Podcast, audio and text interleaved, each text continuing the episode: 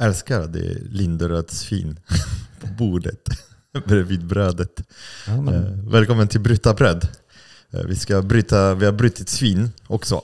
Eh, sitter här med Gustav Öhman på Skala bord Ja. ute i Mariefred. Välkommen Gustav. tack och välkommen själv. Ja, just det. Ja. Alltså, välkommen till min podd. Och du säger Ja. välkommen. För vi sitter här i din restaurang Ja. eh, som är alltså, helt fantastisk. Alltså, det, den är eken som är bakom det. Mm. Vilken jäkla magisk träd. Och sen är vi precis vid, vid vattnet. Mm. eh, ute i Mariefred där du driver en restaurang som är väldigt unikt i Sverige. Och eh, jag tänkte att vi ska prata lite mer om det. Men vill, vill du berätta lite vem du är? Så för de som inte vet. Ja, De stackare som inte vet vem du är. vad brukar man säga? Man brukar säga sitt namn och... Ja, nej, alltså, du får göra som du vill. Det är din podd. Där är, Eh, jo, men Gustav Öhman heter jag. Eh, numera, så, som sagt, så driver jag den här restaurangen. Men tidigare så har jag ehm, drivit en annan restaurang som låg ungefär en mil härifrån. mhm. Eh, lite närmare om man tar vattnet över här. mm. Eh, låg längs samma, Taxinge. ja exakt, Ja. Taxinge krog. Eh, låg längs samma tåglinje faktiskt. Vi har ju museijärnvägen här som går mellan Taxinge och Mariefred. Eh, och här är ett stopp och i Taxinge är det sista stoppet. Så jag låg på liksom en station där och nu ligger jag, Mhm. nu ligger jag här. Ehm, och den, drev, den började driva 2014 och drev den fram till 2020. Mhm. Eh, november 2020 och sen 21, augusti 21 så startade jag här. Jag, innan dess så har jag jobbat på diverse krogar, både, både i Sverige och utomlands. Eller någon, eller någon man känner till. Ja, jag jobbade mm, sista året på Waxen ute på ön. Mhm. Och eh, jag jobbade på djuret i Gamla stan. Okej. Jag jobbade på ett ställe som heter Carl Mikael. Låg på Djurgården som var väldigt tre- trevlig så här, eh, husmanskosts-ish restaurang. Mm. Jag jobbade i New York på Aquavit och ett litet ställe som hette August. Fantastiskt ställe. Inte så mycket större än det här. Ehm, men tog kanske 60 gäster. Okej. Tryckte in dem. Eh, och sen eh, vedeldad ugn och sånt där. Skitcoolt ställe. Mhm. Hade tur att hamna på. Um, var en liten sväng på Noma och plockade örter gratis. Så här som alla andra gör. Ehm, Ja. Jag, jag har aldrig jobbat gratis på en restaurang. Har du det? Ja, det är i och för sig. Det har jag gjort. Nej, nej jag ljuger. Alltså det beror på. Jag, jag har inte lagat mat gratis, men jag, jag har garanterat bakat lite bröd här och där. Mm. Okej, så du har ändå gjort en liten, en liten resa. Ja, precis. Och då var... var Och jag började kan jag säga att jag kom in Mm. i matsvängen ganska sent. Jag var 25 när jag började. Mhm, Av en, lite av en slump, men också lite av intresse. mhm. Så Vad gjorde du innan? Eh, innan det körde jag mycket motorcykel. Okej. jag jobbade som motorcykelbud i Stockholm eh, mestadels. Och sen eh, hade jag lite ströjobb och sen flyttade vi upp till Sundsvall. Och då, jag och min sambo. Och då eh, hamnade jag på en sån här kurs, en vuxenutbildning Mhm. för att bli kock. Okej. Och sen därefter så var det nog ganska klart att det skulle vara det. Mm. Eh, så det rullade på. Okej. Vad, vad fick dig att uh, hoppa av från den klassiska gastro-restaurangbranschen? Alltså, man ser det här restaurangen, det är verkligen något, något annat. Att dels du inte valde att göra en klassisk restaurang och sen att du också inte valde att vara en klassisk kock. Ja, ehm, jag tror... Mm, jag gick... eh, Ja, när man börjar i restaurangbranschen. Jag, jag känner ändå att det var ganska bra att jag började lite, lite senare. Ehm, då har man lite livserfarenhet och man kanske kan se att saker är... ja, man, man har andra perspektiv på saker och ting. Eh, Mm. Men jag var ganska, liksom, jag blev ganska så här, när jag förstod att matlagning var något jäkligt häftigt att hålla på med och att liksom hela matvärlden var så oändligt stor. Mm. Så man kunde liksom, det finns inget, ingen gräns på hur mycket man kan lära sig. Det tycker jag var supertaggande.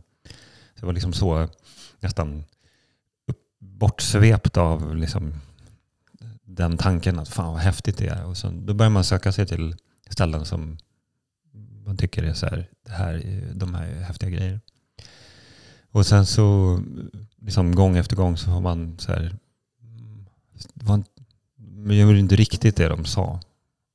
Mer som en så här, ja, men vi jobbar så här, vi jobbar så här. Så här. Och sen så inser man att ja, visst, till en viss gräns så gör man det. Mm. känns som det är mycket, mycket man tror att man gör och man vill gärna skylta. För de ställena du har nämnt innan, de är inte så kända för att sin råvarutanke, alltså i hela vägen, det finns väldigt mycket fokus på råvaror. Ja, men Alltså- bo, precis. Det är Mm. just där man utåt sett så kanske man nu är det ingen kritik alls mot de restaurangerna. Mhm. För att de, jag tycker ändå jag har haft bra erfarenheter där och man har Mm. lärt sig saker. Och, så och jag förstår Mm.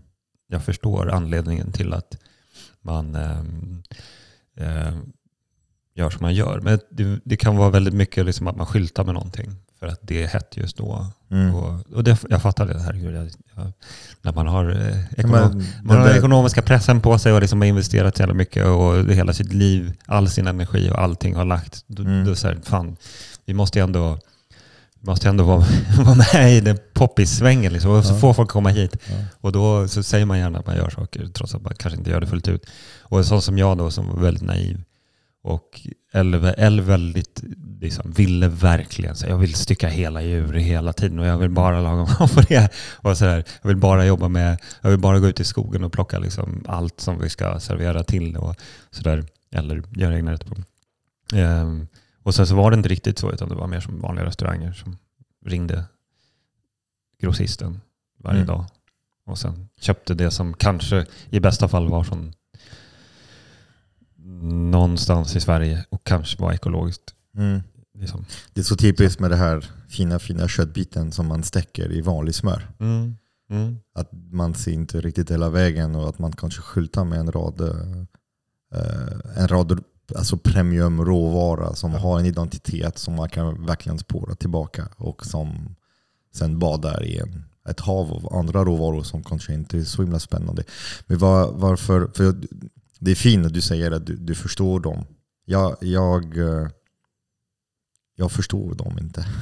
Nej, du är lite mer hardcore där. Nej men det, det handlar inte om att vara hardcore, det handlar om att vara konsekvent och rationellt. Och att så länge det går att göra så och att man kommer undan, då blir inte sådana riktigt måste... Mm. Um, alltså, om, om man ska säga så här, alltså det går att göra allt rätt. Det är mer komplicerat. Men att eh, bygga en restaurangkultur där man sitter som gäst och då får man servera en massa, en massa historier om hur viktigt råvara är, hur viktigt det här är, hur viktigt det här är. Och sen plötsligt man ser att ja, fast det där är inte viktigt. Eller, det är också viktigt fast det går inte för annars kommer Mm. inte runt. För du som gäst är inte beredd att betala för vad det kostar för att kunna.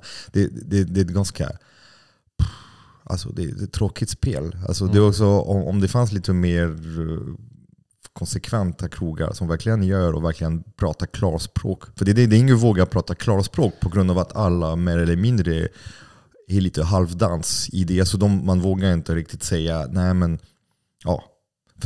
Det skulle behöva någon som kommer in och säger, jag gör så här hela vägen. Mm. Vad gör, varför ni andra Eller- inte gör så? Eller jag gör så här Mm. och när jag inte gör så så gör jag så här på grund av de här På grund av det här, för Ja. att du inte vill betala. Ja, exakt. För att jag har fan inte råd med det. Mm. Jag kan inte steka i smör som kostar tusen kronor kilot. Liksom. Nej. Det, det, det, det kan ju vem som helst förstå. Liksom. Ja. Men även om jag skulle vilja göra det, Mm. det ska vara superromantiskt. Ja. Men ja. Men det är också för att det är också det problemet. Det är bra att du tar upp smöret för att Mm. anledningen är att bra smör kostar tusen kronor. Alltså den Ja. kostar inte tusen, det kostar Nej, men jag har, 600 en, kronor som- jag kilo. har, jag har en, en, en kvinna som jag har köpt smör från som, Ja. som verkligen... Kostar det var- tusen kronor Hon var kilo? den första som inte har prutat på priset. Alltså så här, Okej. För att hon gjorde bara, hon gjorde typ någonstans mellan ett och tre kilo smör om året. Mhm. Hon Okej. ligger här borta i... Smör, hon gillar inte att göra smör. Nej. Tycker det är oeffektiv produkt. Mm. Eftersom man måste separera och liksom, Mm. man får eh, biprodukter som ingen vill köpa. Och sådär. Mm. Eh, så hon tycker smör är dumt. Så därför, men då gör de på, på liksom, några som bönar och ber om att snälla gör lite smör. Mm. Och då så säljer de det för 1000 kronor kilot och då så här, ja fine. Mm. Vill man ha det så får man köpa det för det. Då kan man lika bra gö- göra det men själv. det kan man göra. Man kan köpa en, en bra, bra, bra grädde och det är Men hon är en jävligt smör. cool kvinna så att Mm, det, okej. jag tyckte att det var... Mm, det var värt pengarna. var Men det är det Ja. att onlänningar, det finns ingenting mellan dålig smör och orimlig bra smör. precis. Det blir ett glapp emellan. Det Vi har, vi, har, vi, har haft, det- vi har haft det små, mm, små, små... Eh, liksom, I korta tid, tider har vi haft eh, smör som var bra. vilket, vilket var det? Men när det kom från Järna mejeri till exempel. Ja, okej. Mm, Men det var ju inte... mm, Det var, gick inte kontinuerligt att göra. mm. Av massa... De, de är igång igen, ja. Janna Mejeri. Och De det, gör, de det, gör, men de gör framförallt mjölken då. de gör mjölken. Ja. De, bör, de måste börja någonstans. För det finns inget, tyvärr, det finns inget utrymme för ett bra mejeri som är, jag kallar, jag, jag kallar det för, jag vet att du gillar orden, så här, piratmejeri. Mm. För att ehm, det är så i Sverige, vi har den här oligopol vi har de där Mm. stora. Det är Mm. Nordmejeri, det är Arla, Skåne mejeri och de, de låter några mindre aktörer vara på plats men de måste hålla käften Mm. och vara väldigt disciplinerade och, och passa in och inte försöka växa för mycket. Mm. Typ så här Sjögårdar och Väpnö och, Mm. Och, och, och när ett mejeri som gärna kommer in som en piratmejeri där de, säger, de börjar prata om hur djuren mår Mm. och hur djuren ska hanteras och hur kvalitet på mjölken påverkar, då blir plötsligt eh, inte lika spännande för de stora aktörerna som pressar och hindrar dem för att kunna komma in på, på, på dagligvaruhandel. Mm, precis. Och det var väl så det gick när produkten ändå fanns där ett Mm. tag. Man nu gick ju att köpa på Ica och Coop och alla de där. gick det att köpa um, Järna mejeris mjölk och grädde Mm. och sånt. Kanske Men- här lokalt här i... Ja, runt, Om, runt om här. Fall så Ja. I Södertälje, i stora, alltså typ eh, eh, Vasaområdet där, finns, fa- gick det, och det är ju en sån jättebutik. Liksom. Eh, där gick det att köpa, men det kostade också dubbelt så mycket som Mm. Arlas. Mm. Och jag tycker så här, 20 kronor för en liter mjölk är inte mycket pengar alls. Nej. Det är fortfarande för lite, men, eh, eh, men det funkar ju inte där. Liksom. Eh, och jag tror framförallt folk och, och kockar och restauranger var fr- framförallt intresserade av de högfettsprodukterna. Grädde, smör. Mm. Och sen så har de massa andra produkter kvar. Ja. Och då kan man inte sälja massa Mm. mjölk. jag tyckte det var helt briljant när man kunde köpa på så här, eh, två liters förpackning eh, kärnmjölk. Mm. Det är ju en magisk produkt. Mm. Ur ett, på en restaurang så är det ju helt fantastiskt. kan jag använda det hur mycket som helst. Absolut. Jätte, jättebra. Mm. Liksom. Kärnmjölk kan jag påpeka, alltså det är när man separerar, man separerar grädde först. Alltså Ja. man kör mjölk i separat och då får man grädde och sen får man skummjölk. Mm. Och sen när man friktionerar grädde då blir det smör som bildas och då får man en vätska som släpper som heter ju kärnmjölken.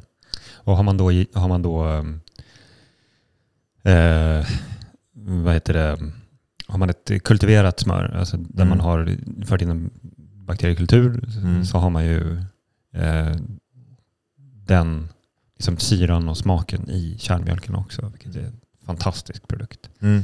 Helt Det är fantastiskt att bryta sås. Alltså det är som en, ja. en verjus fast Ja. eh, på, på, på mejeri. Ja. Men vi, vi önskar lycka till eh, till Janna Mejeri som Ja, gör ett verkligen. nytt försök nu.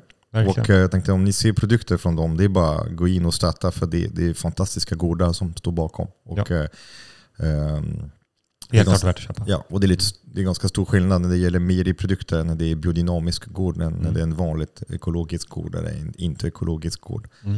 Eh, det är jätte, jättestor skillnad på hur, hur djuren har det. Mina svärföräldrar var, drev faktiskt en, en av de gårdarna som mjölken kommer ifrån Okej. eh, under väldigt lång tid. Mhm. ehm, som heter Yttre Eneby som ligger ute i i Järna. Ehm, så den hade de fram till 2010. Mm. Men de var ju också, de, de jobbade biodynamiskt. ehm, men levererade mjölken. Delar av mjölk, för Järna har funnits i, liksom i flera omgångar. Mm. det har funnits innan förra gången också. Mm. Sen den brann och... Exakt, det var ju hemskheter där. Men då levererade de en del av mjölken till Järna Mejeri. Och det var väl där de egentligen kunde göra liksom vinst på, eller få tillräckligt betalt för att de skulle känna att det var värt. Ehm, Mm. Och sen levererar de resten som ekologisk mjölk till Arla. Eh, vilket också är så här, ja då gör du det verkligen för din egen skull. Om du jobbar biodynamiskt och sen ska den blandas ut med mjölk från andra gårdar som inte jobbar på samma sätt. Så att, men det var helt klart, de har alltid varit supertydliga med att de har inte, gjort, de har inte jobbat biodynamiskt för någon annan skull än sin egen. Mm. De, de tycker bara att det är det bästa sättet att jobba på. Mm. eh, Ja, det är det, det är det Arla är, de är bäst på att hämta mjölken. Sägs hela tiden. Ja, de är så jävla bra för de hämtar mjölken. Det, men det måste- systemet, är- systemet är uppbyggt efter deras eh, sätt att, att jobba Mm, också. Att så, här, så här ska du bygga en gård för att du ska kunna sälja din mjölk. mm, För att vi är de enda som kommer att hämta den. ja, Och våra pumpslangar ser ut så här. Och liksom, då måste du ha en sån här, mm, din mjölk, liksom, ja, hela din, hela din infrastruktur måste se ut så här. mm. Och då måste du investera det här. Och då kan du inte jobba så här. Ja. Och då finns en slags, då sitter man lite fast där. Det känns igenkänning inom jordbruk att eh, ofta man är, man är tvungen till att jobba på ett visst sätt. Sen sitter man fast i ett system där det blir svårt då. Men ehm, Och så är det mycket mm, i restaurang också. Jag säga.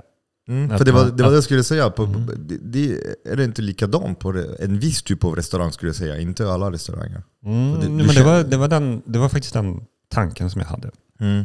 när jag gick runt där och tyckte att det var så synd. Eller tyckte, jag, tyckte, jag var mest sur för att ingen, sa, ingen gjorde som de sa att de gjorde Mm. fullt ut. Ehm, och jag tyckte så, det här, så blir man mer och mer liksom, säkert till nästa ställe. Och så, att, nej, det var inte riktigt så. Eller, det var en sak som jag kan säga om Noma då, som har Mm. fått mycket både ris och ros för hur de jobbar. Men när jag var där Mm. så tyckte jag det var um, ett ganska... Jag hade en väldigt positiv upplevelse där. Jag tyckte det var, var en, en ganska häftig restaurang. Med dels såg jag råvaror som jag inte sett tidigare och fick liksom nys om saker som vi har här också. Som vi inte ens såg som ätliga, Mm. som de serverade. Och det var liksom topp, topp liksom. Som svavelticka, och sånt chicken of the woods. Liksom Mm. de bara ja, den har kommit in nu. och man bara, vad fan är det för någonting? Och det var en helt magisk svamp. Liksom. Ehm, ehm, men, um, ja, men jag gick väl och, och tänkte att ehm, det måste ju kunna gå att jobba på ett annat sätt. Man måste kunna, om man säger att man jobbar med små eh, grönsaksodlare men bulket av ens grönsaker kommer från Sorunda eller Menigo eller vad man nu Mm. jobbar med. Det Alltså det, kan, det kan finnas bra grejer där också. Alltså de, de har också en sortiment som är lite... Det finns, det finns det bästa och det sämsta i en Ja. och samma. Ja. Men det var då jag, så jag tänkte då. Mm. Jag, förstod, jag tyckte det var... Jag fick liksom ingen kontakt med vad jag höll på med. Mm. När någonting bara kommer in. Och så här, jag trodde ju att primörer kommer i mars. För de gör det. Man såg, man dem, ring- man såg dem i mars. Ja, det, var- man sätter frö Exakt. i mars. Det var De första gången jag jobbade med mina odlare ute i Järna så frågade de i mars här, hur, hur, hur, det går, hur det går. Exakt. Och då sitter man lite i skiten när man är i mars och Mm. inte har något Alltså, att servera. Suget, suget på primörer Ja, kommer i mars. Nu absolut. det är på gång, du känner hur naturen är igång Ja, och och är man i, kickar. Och, ja, och är man i Paris så kan man ju få mm, primörer då. ja. För då är det nästan, då är det vår liksom. Mm. Så då, då finns de. Ja, sen det är också mycket växthus och lite värme och lite hjälp för att kunna bara töja det- säsongen ja. lite. Och det, det går, du, absolut. ja, det kan du Det finns leva. det är de första jordgubbarna kommer nu i slutet Ja. på februari i Spanien. Ja, alltså, Mm. det är bara, det blir lite fel om man tänker på att oh, men då kan man äta jordgubbar i februari i Sverige. Men Mm. de det, borde inte skickas hit, de borde det- ätas i men Spanien. grejen, är, det är inte Ja. samma jordgubb. Nej. Alltså de jordgubbarna som säljs i Spanien nu, som de första som kommer, Mm. de tål inte eh, fem dagar i en Nej. lastbil upp och sen tio dagar på en, på en butikshylla. Nej. Det är olika sorter. Ja. De är gjort för lokal marknad, för den här inhemska marknaden. Absolut, Det, det räcker inte. exakt. Mm. Okej, men eh, om, om vi kan prata lite om, om din restaurang, för det, det är lite det som jag är intresserad av, för du har byggt en restaurang.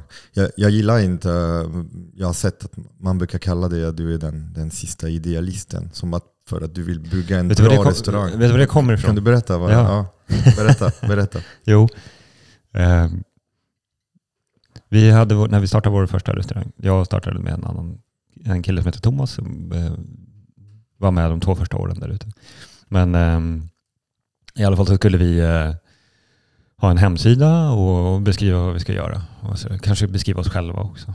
Mm. Och då när vi, vi träffat en, en tjej som vi kände genom, dels genom honom och genom min sambo som hade, brukade käka lunch där lite då. då. Min sambo och Thomas som jag startade restaurangen med, de jobbade ihop tidigare. Mhm. Och Thomas ville byta bra- bransch och tyckte det var coolt att vara krögare. Så då startade vi en restaurang tillsammans. Väldigt genomtänkt beslut. Men eh, de hade käkat på restaurang och vi hade kontakt med henne som en liten, så här, vi bollade lite idéer med henne. Och då så sa hon så här, du är fan den sista idealisten, sa hon. Och så Mm. skrev jag det på hemsidan, så här, han har kallat, när man ska beskriva sig själv. Mm. Så han har kallats den sista idealisten. Och sen skrev jag en massa andra dumma grejer. Ironi funkar inte i text, det kanske du Mm. känner till. Eh, liksom, eh, att vara lite cynisk och ironisk i text är jättedåligt. För då helt plötsligt snappas det upp som att man själv har kallat sig den sista idealisten. Och. Ja. Man Men får det flagga alls- först. Nu kommer jag vara ironisk. Nu är jag, man- precis, där, obs, denna sida är Mm. endast ironi. Ehm, ja, mm, så, så det var där lite grann det kom ifrån. Men jag har aldrig känt mig själv som, eller kanske man har, eh, när man är idealist och man startar någonting själv så blir man ganska snabbt pragmatiker och inte idealist längre. Mm. Man blir ganska snabbt, ehm, det är ju fin en fin tanke kanske, så här, det som jag vill göra och jag kan jobba mot det. Men någonstans måste jag också få det att fungera. Mm. Och speciellt då när man gör som, som vi gjorde, starta en restaurang helt utan pengar och investerare och allting sånt. Så blir det ju väldigt tydligt att man måste typ eh, verkligen eh, hitta ett sätt att jobba på som fungerar. Mm. Eh, Var det det det handlar om? Idealismen? Att man inte har pengar och investerare? nej, utan jag kanske att jag, trodde skulle vilja... mer i, Ja, men att jag i skulle vilja-. Ja, att Ja. jag skulle vilja jobba på ett sånt. Och det var väl det jag, jag sa så här, jag, skulle, jag vill bara ha öppet tre dagar i veckan så jag kan åka ut Mm. och hämta mina råvaror själv och inte jobba med en mellanhand. Utan jag vill att mina pengar som jag ger, dels vill jag att mina pengar ska gå direkt till den som producerar råvaran. Mm. Och sen så vill jag också ha kontakt med den som producerar råvaran. För jag har jobbat så länge utan kontakt. Mm. Och man kan säga att det här är en jättebra råvara, men jag, har, jag, ser, jag kan bara titta på den råvaran och säga så här, okej, om du säger det så. Den känns Men jag, bra. vet, ja, men jag har ingen aning om hur den är väg. Jag vet inte vem som har... Jag vill se hur jorden ser ut, jag vill liksom, Mm. eller om det, om det är ett djur så jag skulle gärna vilja se hur det har levt. Liksom. Ja. Och, det- det- det så då, låter- sökte, då sökte jag det. Men det uppfattas av andra som idealism. För mig, jag uppfattar det inte som idealism. Jag det som att ta sitt ansvar som kock. När man ska Ja. ändå sitta Men- här och producera livsmedel. ja, men, Ja, men i kontexten av hur det ser ut på de allra flesta ställena så mm. kan man kalla det idealism. Jag är så trött, jag jag är så trött Ja. på det, att man ska kalla någonting Mm. bra för någonting speciellt. Och Mm. all det vanliga, alltså att man ska Mm. förhålla sig till, till Mm. allt som är dåligt för att kunna bygga det som är bra. Mm. Alltså Och så, så är ironiskt så spelar jag på det då. Att Mm. så här, ja visst, jag är absolut jag är idealist. Men jag har aldrig Mm. känt, jag har aldrig, aldrig, förutom när man, jag skulle mer säga då kanske att, man är, att allting är lite så här rosenrött och eh, Mm. romantiskt skimrande när man, när man inte har så mycket erfarenhet av hur saker verkligen ser ut. Mm. Ehm, men det skulle jag inte heller säga skulle vara någon form av ide- idealism. Jag vill mm, lite, liksom, jag vill inte riktigt befatta mig med det uttrycket. Mm. Eller med, den, med det. Utan det har handlat mycket mer om att så här, det här, någonstans så måste det, um, ingen säger att det går. Alla säger att så här, ja, men det går, vi skulle gärna jobba så, men det går Mm. inte. Och då någonstans så kände jag så här, men är det, det, beror ju på formen som man har byggt upp det här på.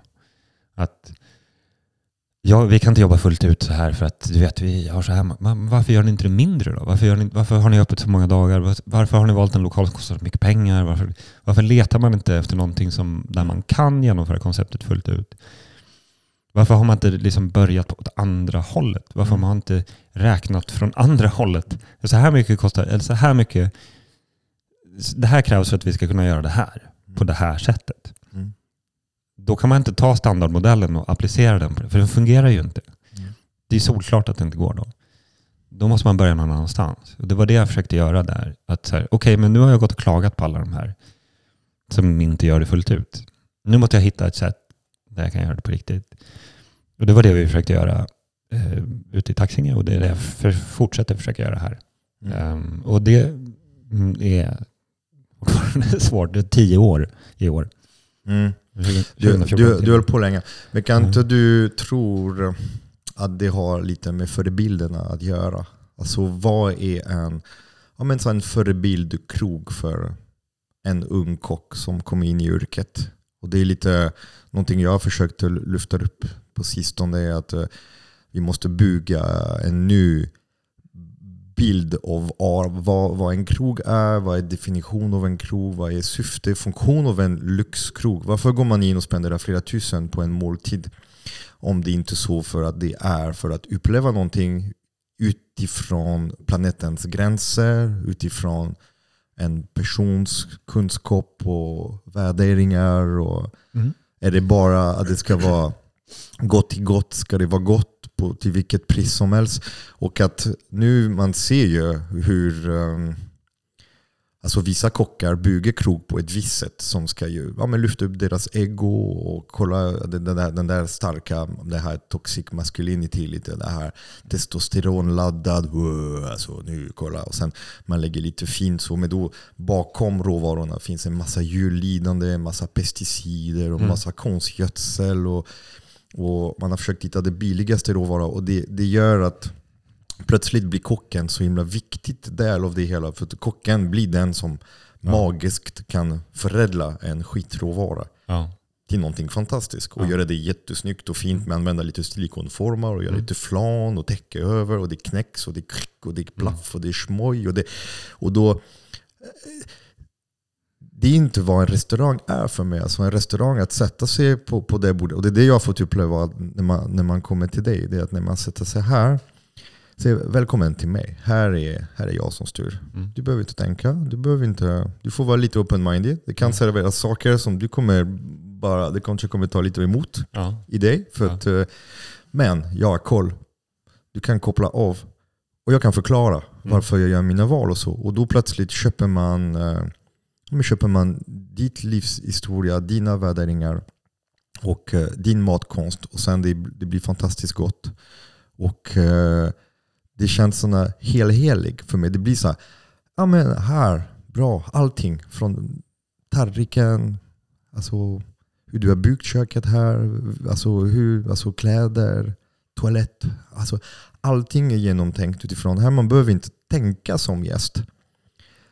Och det tror jag att det är det gästerna vill göra. Mm. Vilket gör att om kocken inte sköter sig, då plötsligt går man in på ett ställe och litar på kocken. Mm. Och då blir man helt kränkt från början till slutet. Mm. För att kocken känner att oh, men jag har inte råd, jag har inte möjlighet, eller det behövs inte göras. Och, det, och ingen ifrågasätter, för så fort folk går på restaurang, de ifrågasätter ingenting.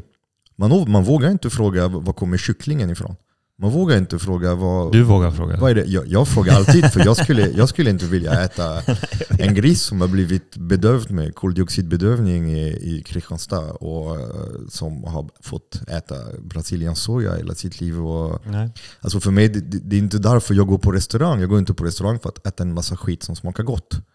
Jag går på restaurang för att uppleva någonting Ja. och ofta jag har gäster med mig och då vill jag tillsammans, vi ska uppleva att gastronomi är en, ett sätt att drömma sig fram i hållbarheten. Hur vi inte, alltså hållbarheten i form av att vi har en planet, vi har en massa ekosystem som håller på att kollapsa Mm. och att gastronomi har en roll att spela i det. Att få folk att drömma, att det går att inom planetens gränser uppleva fantastisk mat i fantastisk miljö. Att det inte är att vi måste ge upp allting. Vi måste sluta med allt som är gott och spännande. Och där tycker jag att det är alldeles för få restauranger som tar sitt ansvar och gör det. Mm. Precis. Och det var väl, som du säger, det var ungefär exakt de tankarna som jag hade och det var därför jag tänkte att om jag lyckas med det här, om, om, det, här går, om det här går vägen, liksom, om jag kan göra det här till, en, till ett ställe som, eh, som folk vill komma till och jag kan försörja mig på det och, och det går bra. Liksom. Och man kanske får lite uppmärksamhet och kan prata om det. Så, så kan det ju vara som en förebild för andra att se att det faktiskt går att göra med ganska... Du behöver inte en multimiljardär bakom dig. Mm. Ehm, Eller ett skit, ett skit livsmedelsföretag som, som har vunnit, som har kapitaliserat i 50 år på pesticider och konstgödsel och processad mat och gjort folk sjuka och förstört biologisk mångfald, dödat alla fåglar och insekter. Som sen investerar lite i en restaurang här och där och eh, vill vara the, the good guys. Köper en gård här och plötsligt gör lite permakultur och lite regenerativ. Och, alltså, Men det känns som att man kuppar hela systemet då bara för att man Mm. har kapital. Det, det kan jag också bli lite irriterad på. Och det är just... Det var väl just det kanske som jag tyckte var lite synd med restauranger som inte vågar säga att de vad de faktiskt gör utan påstår att de gör någonting annat. Då förstör man, man vattnar ur alla begrepp och helt plötsligt har ingenting sånt något, eh, någon betydelse. Det, är- det är ändå viktigt att eh, man gör det på rätt sätt tycker jag. För att det ska finnas någonting kvar att hoppas på, eller att, och tro på. Liksom. Att så här, det, här, det här är ett bra system som fungerar. Men det, gärna en sån intressant plats eh, som har liksom haft en biodynamisk eh, odlingskultur i ganska väldigt många år. Eh, och har liksom eh, där man då jobbar med jordförbättring och ser till att liksom att det ska bli bättre och bättre och det blir det. Odlingarna blir bättre och bättre för varje år. Man, man, man liksom urlakar inte eh, jorden. Och då känns det som så här, det där är ju ett fantastiskt system som faktiskt gör saker bättre. Och, eh, eller i alla fall inte liksom gör att det där blir en plats som kommer vara mm. helt eh, död om några år. Eh, även om det är när jag inte lever längre, så vad fan, lite mer ansvar än så har jag väl. Ehm, så då vill man ju stödja det, man hittar de, de, och kan man bygga, en, kan man bygga liksom hela sin, kan man bygga sin verksamhet runt det, kan man få till ett sätt där det faktiskt fungerar. Och, och det, det, det kan jag känna lite grann så här tio år innan att det Eh, jag hade trott att det skulle vara mer intressant för fler. Mm. Att fler skulle vara så här, wow, det här är ju häftigt. Mm, inte riktigt så. Det är därför jag är här Gustav. Jag är här för att jag tycker att du får alldeles för lite uppmärksamhet. Jag tycker att ditt arbete... Och jag, men, men det är också så här, Ja. jag är inte... Jag, Och när du får uppmärksamhet då blir du kallad för idealist. Eller någon slags som, ja, liksom, det är lite som man där mans trädgård. Där man Mm. känner, åh kolla vad fint, så, men det här går inte att göra. Det här kan bara du göra för du är du och du är Mm. här. Och det här är bullshit. Alltså, mm. det är och det är så här, bullshit. då kan man ju få, antingen kan man ta det som en egoboost, att kolla vad speciell jag är som lyckas, eller som, som gör det här. men- Mm. Jag har inga sådana förutsättningar.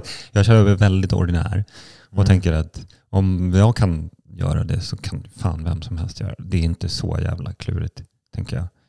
Om man verkligen, om man från början tar rätt beslut, eller Mm. tar de besluten som gör att man kan eh, bygga en verksamhet. För det, det är ju, som jag säger, det är helt... Skulle jag ta ett standardkoncept, eller standardmodell på Mm. hur man bygger upp en restaurang med så, så här många gäster måste man ha, så här ofta, så här många måste vi vara i köket. Det känns nästan inte som man tänker efter när man bygger ett. Man bara tar en modell, Mm. applicerar den på och sen, ska man, sen, har man olika, råvaror till modellen. ja, men sen har man olika segment. Så här.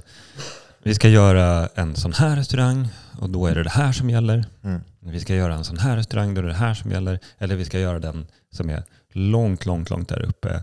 Och då är det liksom no limits.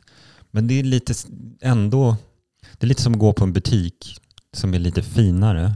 De köper fortfarande sina råvaror från samma mellanhand fast i Mm. deras premiumsegment. Mm. Så du kan ju få sådana eh, liksom, Det är Eh, ett känsla. Ja, det är Ja, men du kan få ett litet häfte här, så här. Det här erbjuder vi. Mm. Här är det lunchsortimentet. Här är det liksom här är mellanklassegmentet och här är premiumsegmentet. Mm. Så kan du välja bara.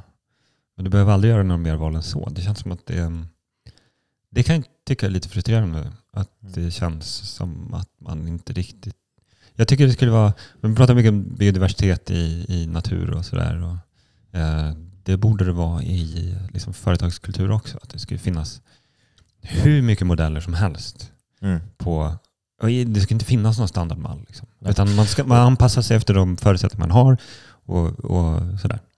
Och det finns ju jättemycket på, på gång, eh, märker jag, inom företag. Och det började där tror jag, att man bygger företag som, Mm. där man bygger utifrån människan. Mm. Utifrån Mm. välmående, utifrån natur, biologisk mångfald, ren vatten. Och sen man bygger sin modell baserat på det. Mm. För det är lite det idag är de flesta restaurangmåltiderna. De är baserat på känslan du upplever och statusen du känner när du är på plats. Och då sitter man med råvaror som är producerade av producenter som måste räkna baklänges hur många skördar de har kvar. Och då sitter man här som medhjälpare till att fucka upp vår planet lite snabbare. Fast det känns gött just då. Mm. Ja, ja, var det här en bra, Ja. var det här en bra, en bra definition? För jag jag har också blivit så här utmanad. Alltså, ja, men det här som du förespråkar, det går inte. Och, så. Och, då, och då gjorde jag det. Alltså, jo, det går. Okej, det går. Om man vill, då går det. Och det gäller ju att förklara ordentligt. Och då Mm. blir man ganska lätt, hamnar man i ett fack över att ja, men det här är speciellt och det här är annorlunda och sådär. Men eh, jag tror att det, vi, vi är på en stort eh, förändringsperiod nu. Jag tycker att det här året som kommer är en ganska viktigt år. Jag tror det är jättemånga som vaknar upp, som börjar också förstå konsekvens av det de gör, hur de använder sina pengar, hur de ehm, investerar sina pengar genom att konsumera. Tror att må- många ser så pension och investe- investeringar och så en, en sak och sen konsumtion, som det är pengar som bara går. Att de inte, jag ser ingen skillnad mellan dem. Jag tänker att alla pengar som spenderas eller placeras, de- har ju en funktion och de ger näring till olika system. Mm. Och jag tänker att när, när jag kommer här och äter hos det, då plötsligt går pengarna rakt in i, i producenten. Alltså det, är den, det är den människan som har odlat Mm. och som har odlat på ett sätt som är, som är hållbart, som är långsiktigt. Mm. Som har fått alla pengarna. Och sen du som förädlar och får ja, men, så här, chansen att, att få jobba med de fantastiska råvaror och prata om dem. Känna dig stolt Mm. över dem. Och då får jag som gäst plötsligt så här, wow, eh, fan vilket jävla bra investering jag har gjort. Mm. Jag tror att det är många som ser pengarna som nå- någonting man spenderar. Alltså, det beror på om man köper någon ägg som, är, som Mm. kommer från någon 30 000 önor sitter i en bur. Så då är det klart, det här är, då har man spenderat pengar och det är djurlidande och det är massa, massa smuts och, och djur som haft ett pissdåligt liv och hela havelsystem och hela kläckeriet, hela Mm. foderleden och hela så all in, all out. Och sen som det var nu i de där två miljoner önor som fick, eh, några fick salmonella och de bara brann ner, gasade alla och brann Mm. alla. Och sen Men det är bara... Det symptom av den här problem som vi har nu är, är så och, och att kan man se att ja, men jag köper den här äget, att jag inte spenderat pengar. Jag har faktiskt inve- investerat. mm. Dels i en fantastiskt god råvara som är hälsosam för mig att äta. Men jag har också investerat i ett jordbrukssystem som är fantastiskt som bevarar biologisk mångfald och rent vatten och, och, och så vidare. Hur, hur kan man inte- integrera det här i en restaurangmodell? För det, det är det du har gjort här, men det känns som att det är väldigt få som förstår. Känner du inte, alltså tio år nu du håller på och att och det går tuff verkligen. Mm. Alltså det är tufft, det är svårt att få, alltså här är vi 50 minuter från Stockholm. mm, Alltså ja, motorväg 45 minuter, om man tar Ja, tåget då är det tar det 35 minuter. 35 minuter. Och sen tar det 10 minuter att gå hit. Och sen en liten promis där Ja. för att eh, det är På 45 minuter från Mm. Odenplan. Odenplan till, till här. 45 minuter. Ja. Okej, det tar 45 minuter att komma dit. Mm. Och eh, när man kommer dit, det är magiskt. Och sen får man sätta sig i en av de mest prisvärda gastromiddag som är mest alltså, genuin, personligt, äkta, ren. Inspirerande, inspirerande säsong och eh, där alla råvaror kommer från, eh, från alltså, fantastiska platser. Mm. Och trots det, då är det, då är det svårt att få gästerna att, kom, att komma hela vägen hit. Mm. När det är inte så himla farligt. Men alltså jag ser människor som flyger världen runt för att åka till trestjärniga, tvåstjärniga Michelin-restaurang för att få uppleva saker och sitter och... Alltså, herregud. Mm. Hur svårt ska det vara? Ja, det undrar jag också. Ja, det ja men bra. Då gör, vi, då gör vi ett upprop här. Ja. Alltså, kan inte ni komma till Mariefred här Mm. och göra att, uh, Gustavs restaurang är fullbelagd tre kvällar i vecka. Ja. Så att du Det har tycker jag, det, det, Så du Det kan öppna en fjärde kväll. För du skulle säkert känna, skulle du inte vara stolt om, om, om det är så fullbokat? Du Absolut. släpper, du släpper Absolut. bord, pang, fullbokat på en gång och då kan du säga, fan då vill jag köra en Ja. onsdagkväll också. Absolut, absolut. 100 procent. Det har ju varit min idé. Så. Om det, vi börjar här och om det, om det fyller på mer så, så är jag helt, eh, helt öppen med att jobba lite till. Det är inga problem. Alltså, jag har också... ehm, min idé har ju också varit att eh, liksom, försöka, eftersom jag också bor här i den här byggnaden, så har det ju varit att försöka få ihop det med liksom, Um, inte, inte separera de här två liven. Utan Mm. ett, ett, ett liv och eh, det är det här jag gör på dagarna. Liksom. Men då måste man också hitta ett sätt att jobba på där, där det inte tar mm, liksom, där det inte tar all tid som man har. Eh, och det är ganska fascinerande nu när, man, när jag har hittat en modell, ett sätt att jobba på som faktiskt också var lite romantisk tanke i början. Att eh, jag bara vill, bara vill laga maten när gästerna är där. Liksom. Mm. Alla minut. Jag vet att det finns andra krogar som påstår att de gör det också. Men så jobbar man ändå Man har en dag, 800 en timmar om dagen. Man har en dagtim som har suttit hela dagen och köttat på och Ja. preppat och fixat. Ja. Ja, men det är verkligen Nej, men- den känslan när man kommer här, man, Mm. man ser att så grejerna Ja, gör. och det är jätte, in, jättekul när det kommer någon, de gångerna det kommer någon som vill skriva någonting. Så kan inte du laga någonting? Men jag har inga råvaror hemma. Jag har ingen mat här. Jag bara, vad, hur då? Vadå? Så jag bara, Nej men jag, gör, jag har bara den här, det är gäster här. Liksom. Mm. Det är då jag har maten. Eh, nu har jag ju lagrad, lagrade saker i jordkällaren som jag har. Ehm, men det är ju inte, det är ju inte så jättemycket. Liksom. Och det är de, det är de råvarorna man jobbar med. Men, och sen vill jag inte ta fram det innan. Det är, liksom, det är onödigt att ha det färdigpreppat i små Mm. burkar. Liksom. Jag gjorde så ganska länge när jag startade den andra restaurangen. Bara för att jag hade lärt mig att det är så man gör. Så man preppar jätte, jättemycket. Mise, mise en place. Mise en place, mise en place, mise en place. Hela Ja, tiden. och. Och du ska ligga bra till. Mm. Och sen, så grejer, efter några år- gamla. ja, men efter några år så inser jag att jag behöver inte göra det. Jag behöver knappt koka en buljong. Liksom. Eh, Det kan man också näst, man kan basera såser på andra saker. Så under den, jag, jag vill koka bara buljonger när jag har jag kokar bara Mm. Köttbuljonger när jag har ben. Mm. Och jag kokar bara eh, ja, och har jag, då har jag dem tills de är slut. Och sen så gör jag baserar sås på andra saker. Och sen så när det är grönsakssäsong så kan man ju göra fantastiska grönsaksbuljonger med eh, skal och sånt där. Det, det som är häftigt, för det du beskriver här det är lite skillnad mellan anverk och industrin. Det är att det kommer, det kommer en massa ben, för Mhm. det är ett, ett djur som har, Mm. som har slaktats eller skjutats och sen ska du stycka och så och då plötsligt är det en massa ben, då blir buljong. Mm. Eh, en, klassisk, så då en klassisk restaurang, de tänker inte så, de säger vi behöver vi Mm. måste köpa ben. Mm. Och då, Mm. då måste det finnas ben, som, Mm. då tar man vilket ben som helst för det spelar ingen roll, det blir någon jävla buljong. Mm. Eh, och det är där som gör stor skillnad. Jag ser också i min, alltså som bagare, det är också så stor skillnad att så här är mina maskiner, så här är min utrustning, mina ugnar och, och då måste jag få degen att passa in i det. Mm. Och folk vill ha det så jag måste göra det folk vill ha istället för att se åh nu är det det här som kommer och nu har jag fått den här spannmålet och nu Mm. har jag fått den här eh, frukten. Och jobba tvärtom, att man jobbar utifrån vad som kommer. Och sen göra sin, för mig är kockyrket som, är, som inte är så line-kock, men kockyrke inom gastronomi det handlar om att anpassa sig efter den, den miljö man är i och den säsongen. Och, och sen bygger man en massa värderingar kring det och sen skylta ut den. Och det är lite det, annars, vad, vad är poängen att sätta sig på en fin krog för att äta ett slags alvindustriell. Det är lite som Mm. Industribröd. Så en Ja. bageri som bakar på mixer och stoppar Ja. sin skitbröd i en Ja. papperspåse så att det känns lite bättre. Eh, Jag ska säga samma sak med själva yrket.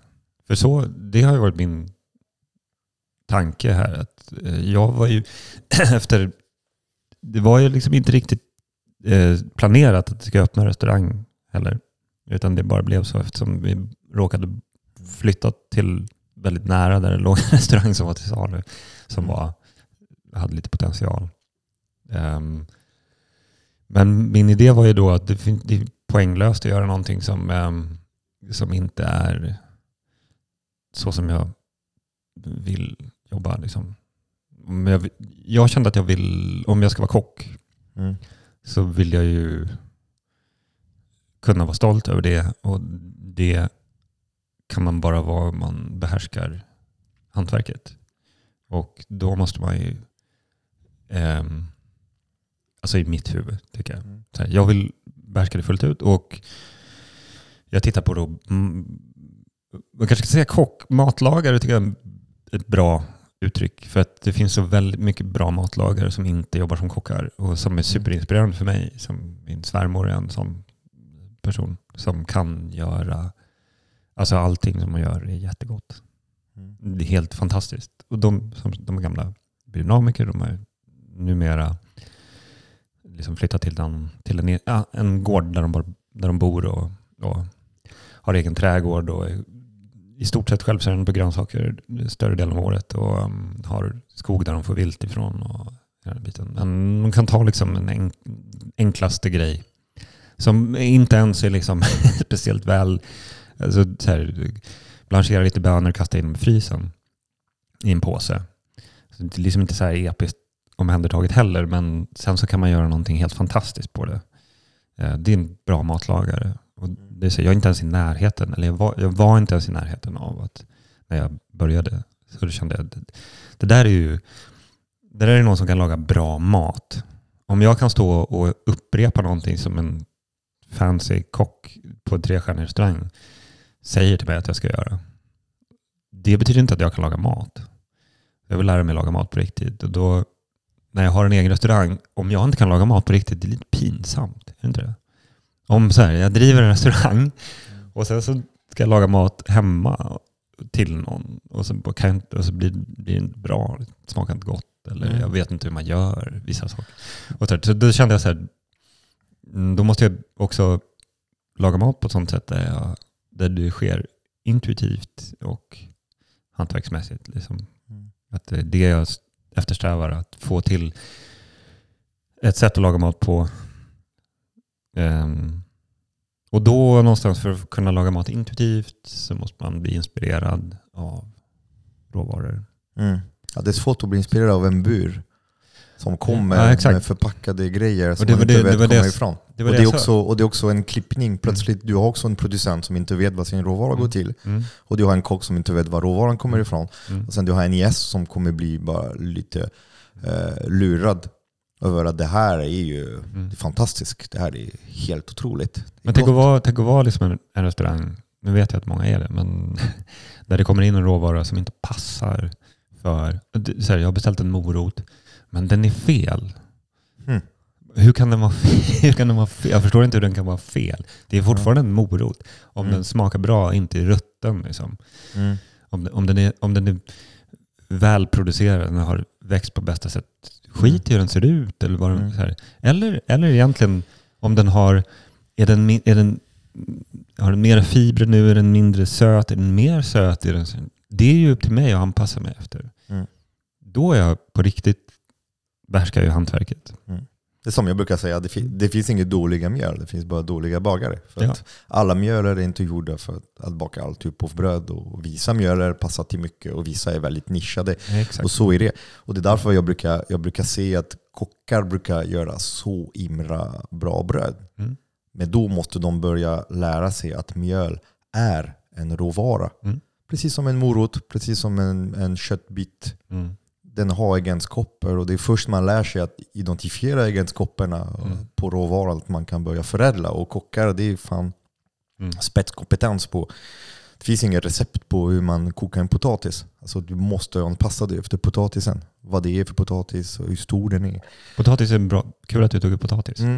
Det har blivit en sån där, för mig har det blivit en, för- gått från någonting som jag inte var intresserad av att hålla på med. För att man Mm. gjorde alltid, du vet, man gör potatispuré i, på spritspåse. I, Mm. här, man kokar hur mycket som helst och står och vevar potatis och sen så gör man en krämig Mm. jättetråkig puré som man har i en stor spritpåse över spisen så att den Mm. håller sig lite varm och varm. bara spritsar man upp det där Mm. och så tycker alla det är jättegott. Mm. Och tänkte så här, det, potatis är tråkigt. Och sen så börjar man, dels är mina svärföräldrar så superfans av, speciellt svärfar älskar en riktigt bra potatis. Så han kommer Mm. alltid när de har haft sin potatisskörd och så, så, så tar han med mig till jordkällaren och bara du måste titta på den här potatisen. Har du sett så fin den är? Mm. Och, och så kokar man den potatisen och så bara känner du hur, Mhm. känner du hur krämig och smörig och god den här är? Mm. Bara som den är. Och så Ja, börjar man så här, stolthet. Ja, och så börjar man tänka så här, potatis kanske är, det är någonting annat. Och sen så kom jag över riktigt bra potatis. Vi började odla själva också. Med- vår vän Maria Prins som bor här uppe. Mhm. Eh, inte långt härifrån. Hon har upplåtit lite mark åt så här Mm. tillsammansodlingsprojekt. Så, så började man odla potatisen. Och så började jag tänka, och speciellt då när jag jobbar som jag gör, att vintern ska vara någon form av eh, lagringssäsong. Då ska jag bara använda mig av de råvarorna. Ehm, och då har man ju potatis. Och, Vad, är, vad är det för sort? Bra fråga du. jag, jag tar alltid bild på vad det är för sort. Mhm. Ehm, men den här året så bilden har liksom, du vet, telefon, ibland ställer telefonen in sig. Mhm. Så här, den, den lägger mina bilder någonstans där jag inte hittar dem. Så jag har inte hittat det. Men jag eh, träffade Maria häromdagen och då hade hon, hon hade konfiterad potatis. Och då hade hon de här olika sorterna och de hette, ehm, det var finska namn. Mhm. Det var namn, alltså personnamn. Inte, inte prinsess? Nej. Vi har haft prinsess faktiskt. Prinsess ja, men förra, förra året tror jag vi hade prinsess. Mm. Det var en jättegod potatis också. Men jag tycker de flesta sorter blir väldigt bra. Men då börjar man tänka sig, vad är det bästa sättet att äta potatis på? Jag tycker det absolut bästa sättet är när den är helt nykokt Mm. och så bara mosar man den, har lite smör och salt. Och sen så, i bästa fall äter man den bara så. I den här restaurangen så kanske jag till, lägger till någonting. Mhm. För att det känns som att man bör kanske ha någonting Mm. mer. Och nu är det ju tryffelsäsong så då Mm. och så Jag köper, bruk, köper jag fin tryffel. Och då gillar jag att riva det över. Men ehm, ehm, där är också så här, då kokar jag ju potatisen. Jag sätter på kastrullen när folk sitter ner och har beställt Mm. sin dryck. Eller sagt så här, det här vill jag dricka till. Och sen är den klar. Ja, Och då häller man, av, häller man av vattnet och så mosar potatisen så här. Och så lägger man upp den. Och så blir det typ världens godaste rätt. Mm. Och folk blir så här, wow, potatis. Det är så, jäk, det är så jäkla fint att se Mm. att världens enklaste råvara som vi tar helt för givet. Har man hygglig kvalitet på den och sen serverar den precis ur kastrull med, med liksom lite fett och salt. Och i det här fallet, jag ty tycker inte egentligen tryffeln, den, den är bra till och den liksom gör det lite, lite Mm. jag gillar, alltså tryffel är jättegott. Mm. Ehm, men, men det är potatisen som är eh, 100% stjärnan. Och, det, och jag har serverat den med liksom en saltgurka som jag gör. Man bara skär små tärningar och skär saltgurka och lägger på där. Som, som är inlagd i, lite, i en saltlag med lite eh, dragon och sånt så man får jättegod gurka. Mm. Liksom. Men bara små bitar gurka i. Liksom. Folk blir helt lyriska. Det, det är det som är så fantastiskt när man sätter sig vid det här bordet när jag, där jag sitter just nu. Det är att eh, man ser det. Du är som en så här, Mm. du är själv, och springer och alltså det är lugnt och fint. Och allt är som, det är som en, en symfoni. Det är alla instrumenter. Och, fast du, du är så här, som one man band över, över det hela. Och då ser man alltså, kastruller och grejer och det är så olika moment under middagen.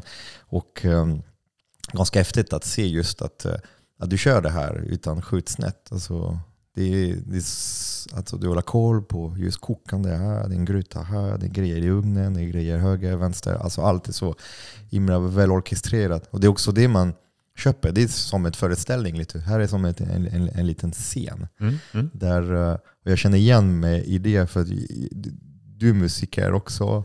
Och Ja, jag ska ta i. jag gammal jag musik. Alltså, du spelar Ja. musik. Ja. Ja, absolut. Och, så, och som musiker ofta man gillar, och jag, jag också, jag har stått på scen i mina yngre dagar. Mm. Och eh, att det där att stå på scen och, och leverera, och så brukar jag göra när jag, när jag gör semlor. Och Mm. att, eh, eller visa, visa efterrätter, att man står här. Och service, det är lite en föreställning plötsligt. Och eh, det finns olika typer av föreställningar och det är ibland, det är inte alltid de, de stora budget som levererar de bästa upplevelser. Nej. Och det är där jag gillar att eh, här är det som ett litet nischad litet scen där man får så äkta känslor. Allt är live, allt är här så nära. Man känner dofterna från köket. Man får allting riktigt eh, eh närvarande. Och jag tycker att det ger, det ger en sån um, dimension till, till, till maten. För plötsligt blir maten bara en slags en samlingspunkt. Varför? Mm. Vi är här för att äta. Okej, vi, vi kommer äta. Men vi är här för mer än så. Vi är här för att uppleva någonting helt annat som inte är bara Precis. sätta sig och beställa och äta. Sen är du mätt? Ja, jag blev mätt. Eller var det gott? Ja, det var gott. Mm. Det är mycket mer än så. Mm. Och Det har ju varit tanken också när jag tänker på hur själva upplevelsen ska vara. För det, hittills har vi pratat om vad som är viktigt för mig. Mm. Eller hur jag, vill, hur jag vill jobba för att det ska kännas eh, liksom, som man kan fokusera på rätt saker och att det ska kännas inspirerande. Och, eh, ja, det, det är mina val där mm. fram tills... Eh, men sen själva restaurangupplevelsen, så som jag själv tycker är de bästa upplevelserna, det är när man liksom blir... Där det känns som att man får ut liksom maximalt ur själva stället man kommer till. Och oftast så är det fokuserat på tallriken. Men tänk så mycket pengar som är nedlagda och, på designers. Som ska, annat. Ja, och sen, och sen ska det bara vara en bakgrund. Liksom. Och den får du aldrig riktigt se eller känna på. Eller, och du, de som jobbar där får du aldrig riktigt liksom prata med för de hinner inte riktigt med. Och de, det, blir så, det blir ett professionellt möte och det tycker jag har alltid varit synd när jag har kommit till liksom jättefantastiska restauranger. Och så bara, men jag vill, kan inte vi, jag vill prata lite med dig för att du verkar så jävla...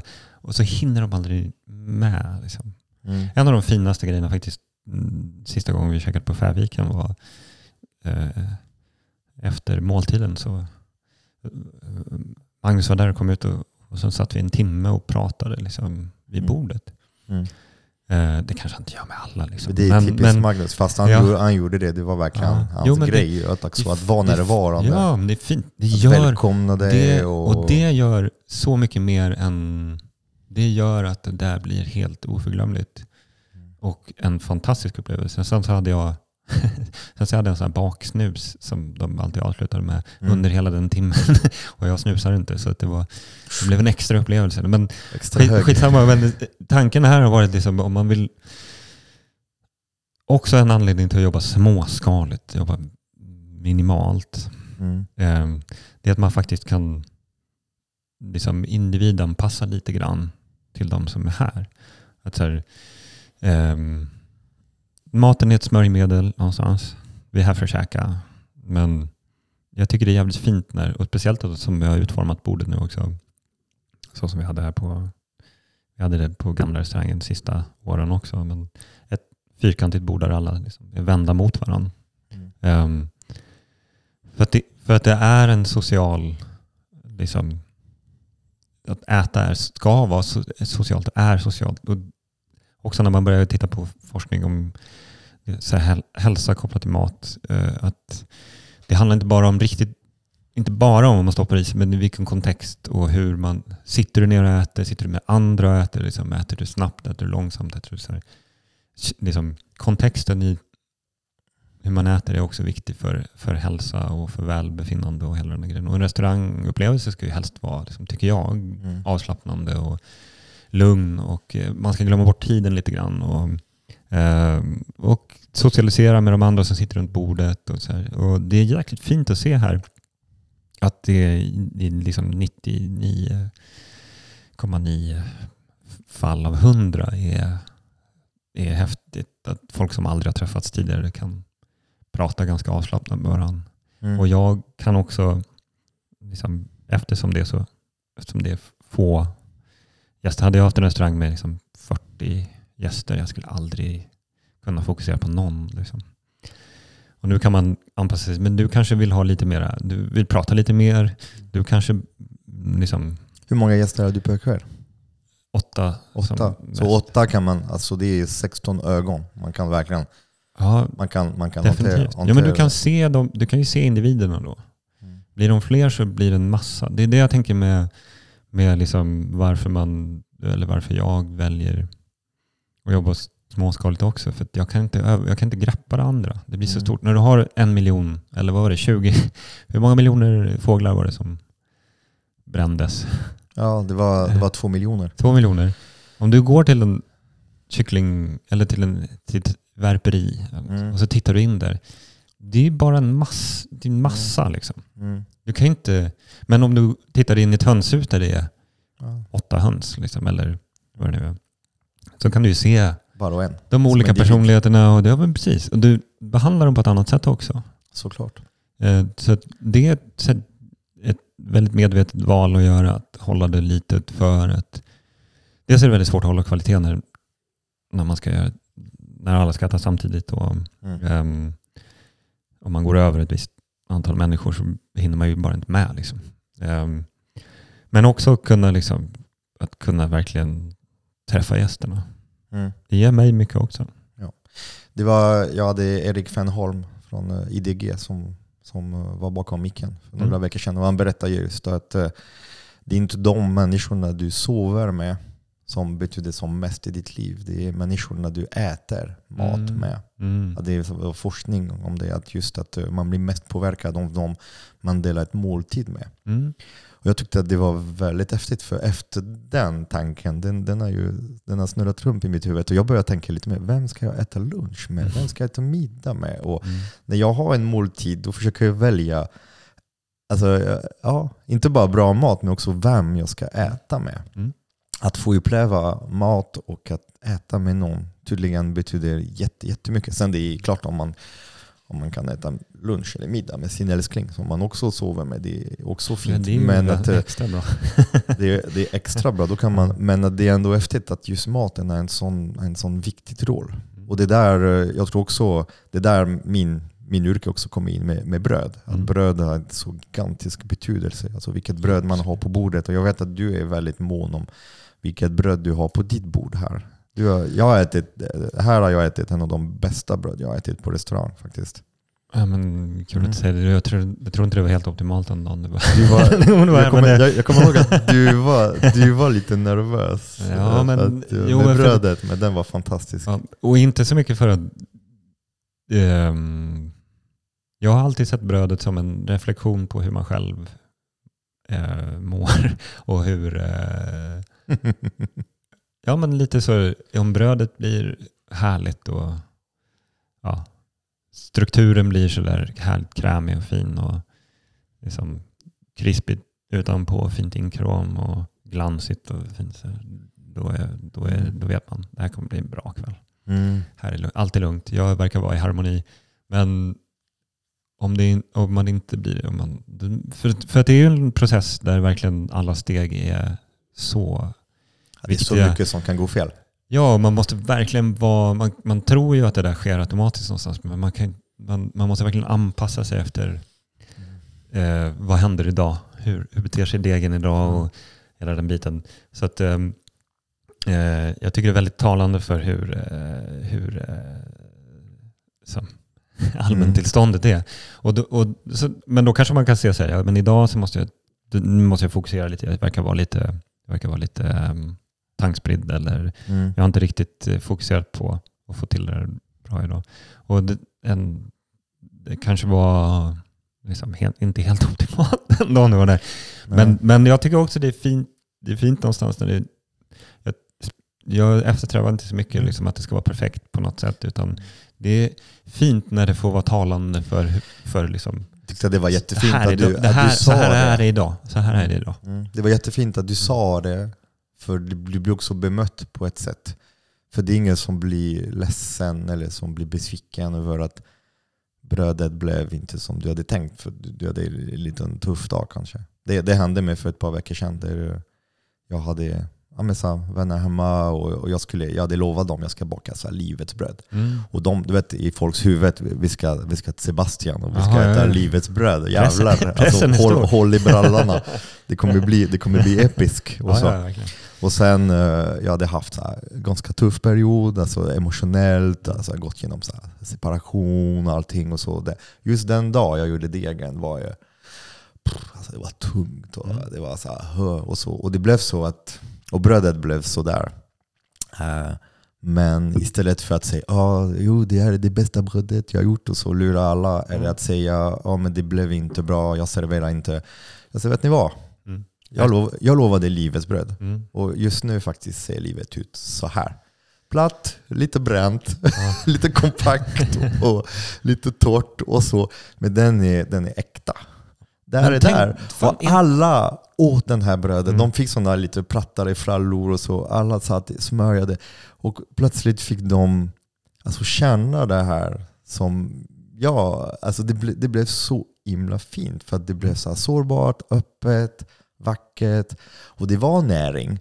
Och det var gott. Alltså Mm. det var inte så äckligt och så. Det, bara, det var inte så här, den här fantastiska. Men att bröd är så tacksam också. Och att just för mig är det så nytt att inte behöva prestera som att jag ska bli dömd över en prestation. För det är det vi gör. Det varje, varje måltid det är, en, det är en föreställning. Varje bak, varje deg det är en föreställning. Det är en prestation. Ja. Man kan bli dömd över det och, bli, och sen kommer man komma ihåg. Man kommer äta här en gång och sen i tio år kommer man Ja men det så här stället, det är så här. Mm. Fast det var just den dag, den stunden. Mm. Man har bara en liten, liten, liten, liten stycke av en live performance. Eh, Men så tycker jag också, och helt, sitter och beskriver liksom ett utopiskt samhälle. Eh, som egentligen är där. är den så utopisk? Nej, nej, men, Kan här, inte den vara nej, men tänk, tänk så oavsett vad det är. Mm. ehm, och inte på något sätt liksom att man ska kunna gömma sig bakom att man, att man, är lite, att man inte är på topp. Liksom. Att säga, nej, men det är ingen bra dag idag. Och så får du en... Liksom, det är bara att jag måste anstränga mig, eller jag måste vara lite här, Mm. men man kan, vara, man kan ändå vara hyggligt öppen med att, ehm, att, att det skiftar. Liksom. Att det, är inte en Mm. konst, det, det har ju varit inom gastronomin och speciellt den höga gastronomin. Har ju liksom, Konsistens. konst, precis, att det ska, alltid, det ska alltid hålla den här standarden. Oavsett, vi, ingenting betyder någonting förutom att det alltid håller samma höga standard. Mm. Det gör ju det jävligt ounikt också. Alltså det, gör ju det, det gör ju det lite industriellt. För det är precis så de, som de, de ska Mm. alltid ha samma, liksom, Mm. resultatet ska alltid vara samma.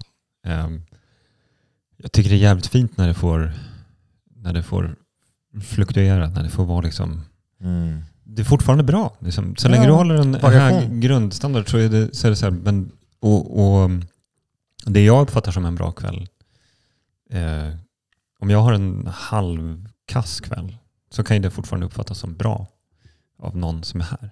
Jag hade, jag hade superbra, men för mig så var det, ja, jag var tvungen att, jag var inte riktigt där. Liksom. Sen kan det vara en kväll som är helt jävla magisk. Mm. Då man njuter otroligt mycket. Och det kanske inte är den bästa kvällen för gästerna, men för mig är det så här, jag bara nailar det liksom. Mm. Och för min del så är själva den här biten, matlagningsbiten, har, har kommit till den punkten att det, är- det är mycket mer det är mycket mer så jag värderar den. Mm. Hur var interaktionen med gästerna? Hur, eh, hur flöt det på? Inte så mycket så här, jag gjorde världens bästa rätt. Liksom. Maten är...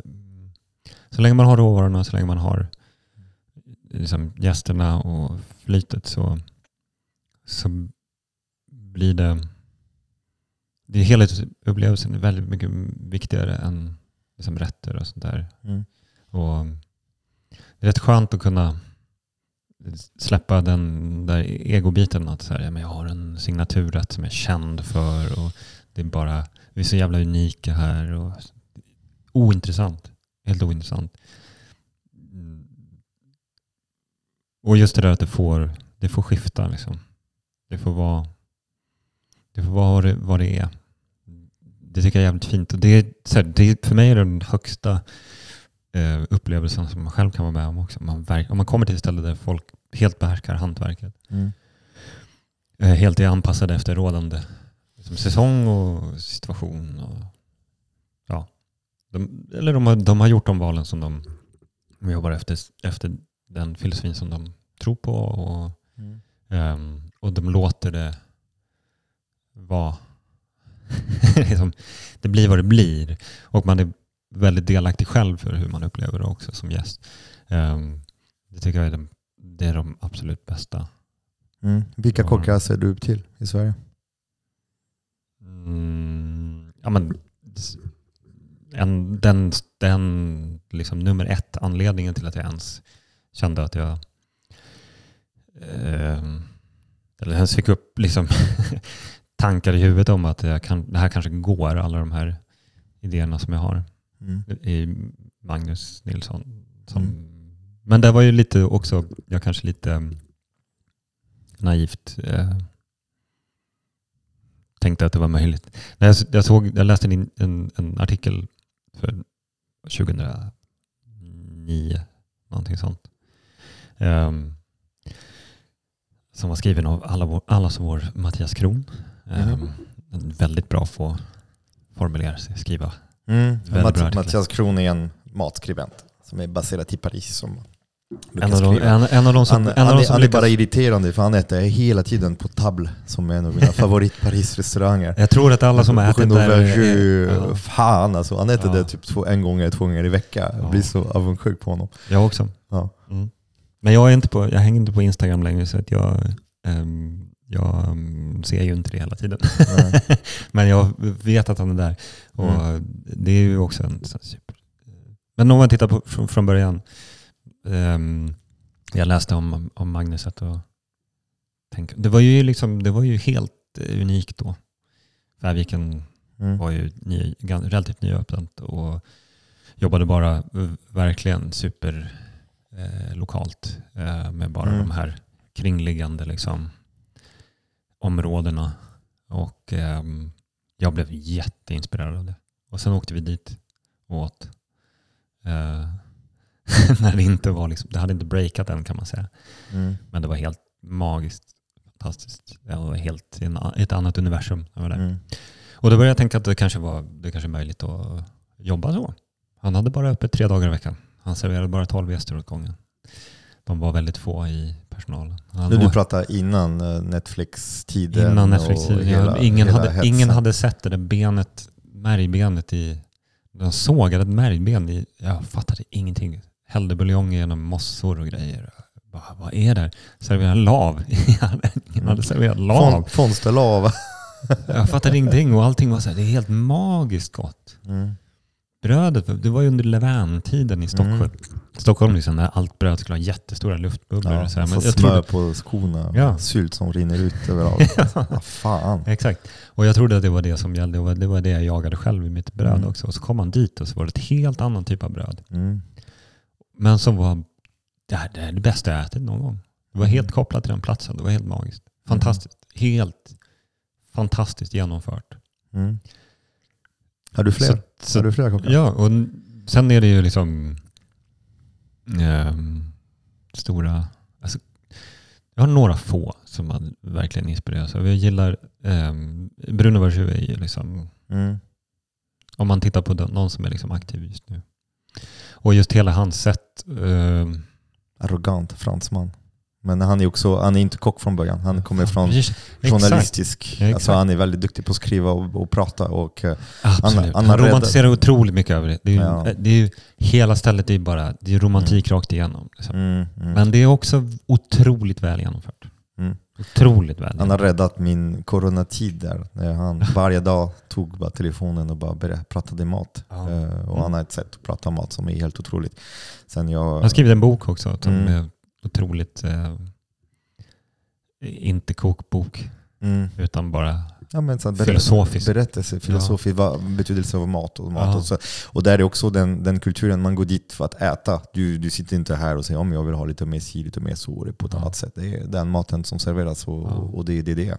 Och han tänker verkligen på helhetsgrejen också. Att det, Mm. det är en, även om det är en liksom fine dining-krog, två Michelinstjärnor hela det där, Mm. så tänker han på mänsklig hälsa också. Ja. Och Det kan det vara så att energin, mat och sådär. Mm, energi i mat. är- Men att um, stjärn-michelinerna, att de börjar det börjar se lite olika två grejer. Man har de där klassiska franska, italienska som nu Mm. betraktas som ganska tråkiga. Det Mm. är så här, samma mat sen eh, forever. Mm. Och sen har man den här modern super med massa pulver och Mm. skit och tillsatser och så att, som gör att all texturer blir ju på ett visst sätt. Ja. Och det kommer en nytt gren där det finns sådana Ja, men stjärn Michelin, där det, ja, men jag tänkte så här, typ i Stockholm som Extet till exempel, Mm. som, eh, där, där Florencia hon verkligen så här, ja, men försöker hitta sin, sin personlighet. Vem Mm. är jag?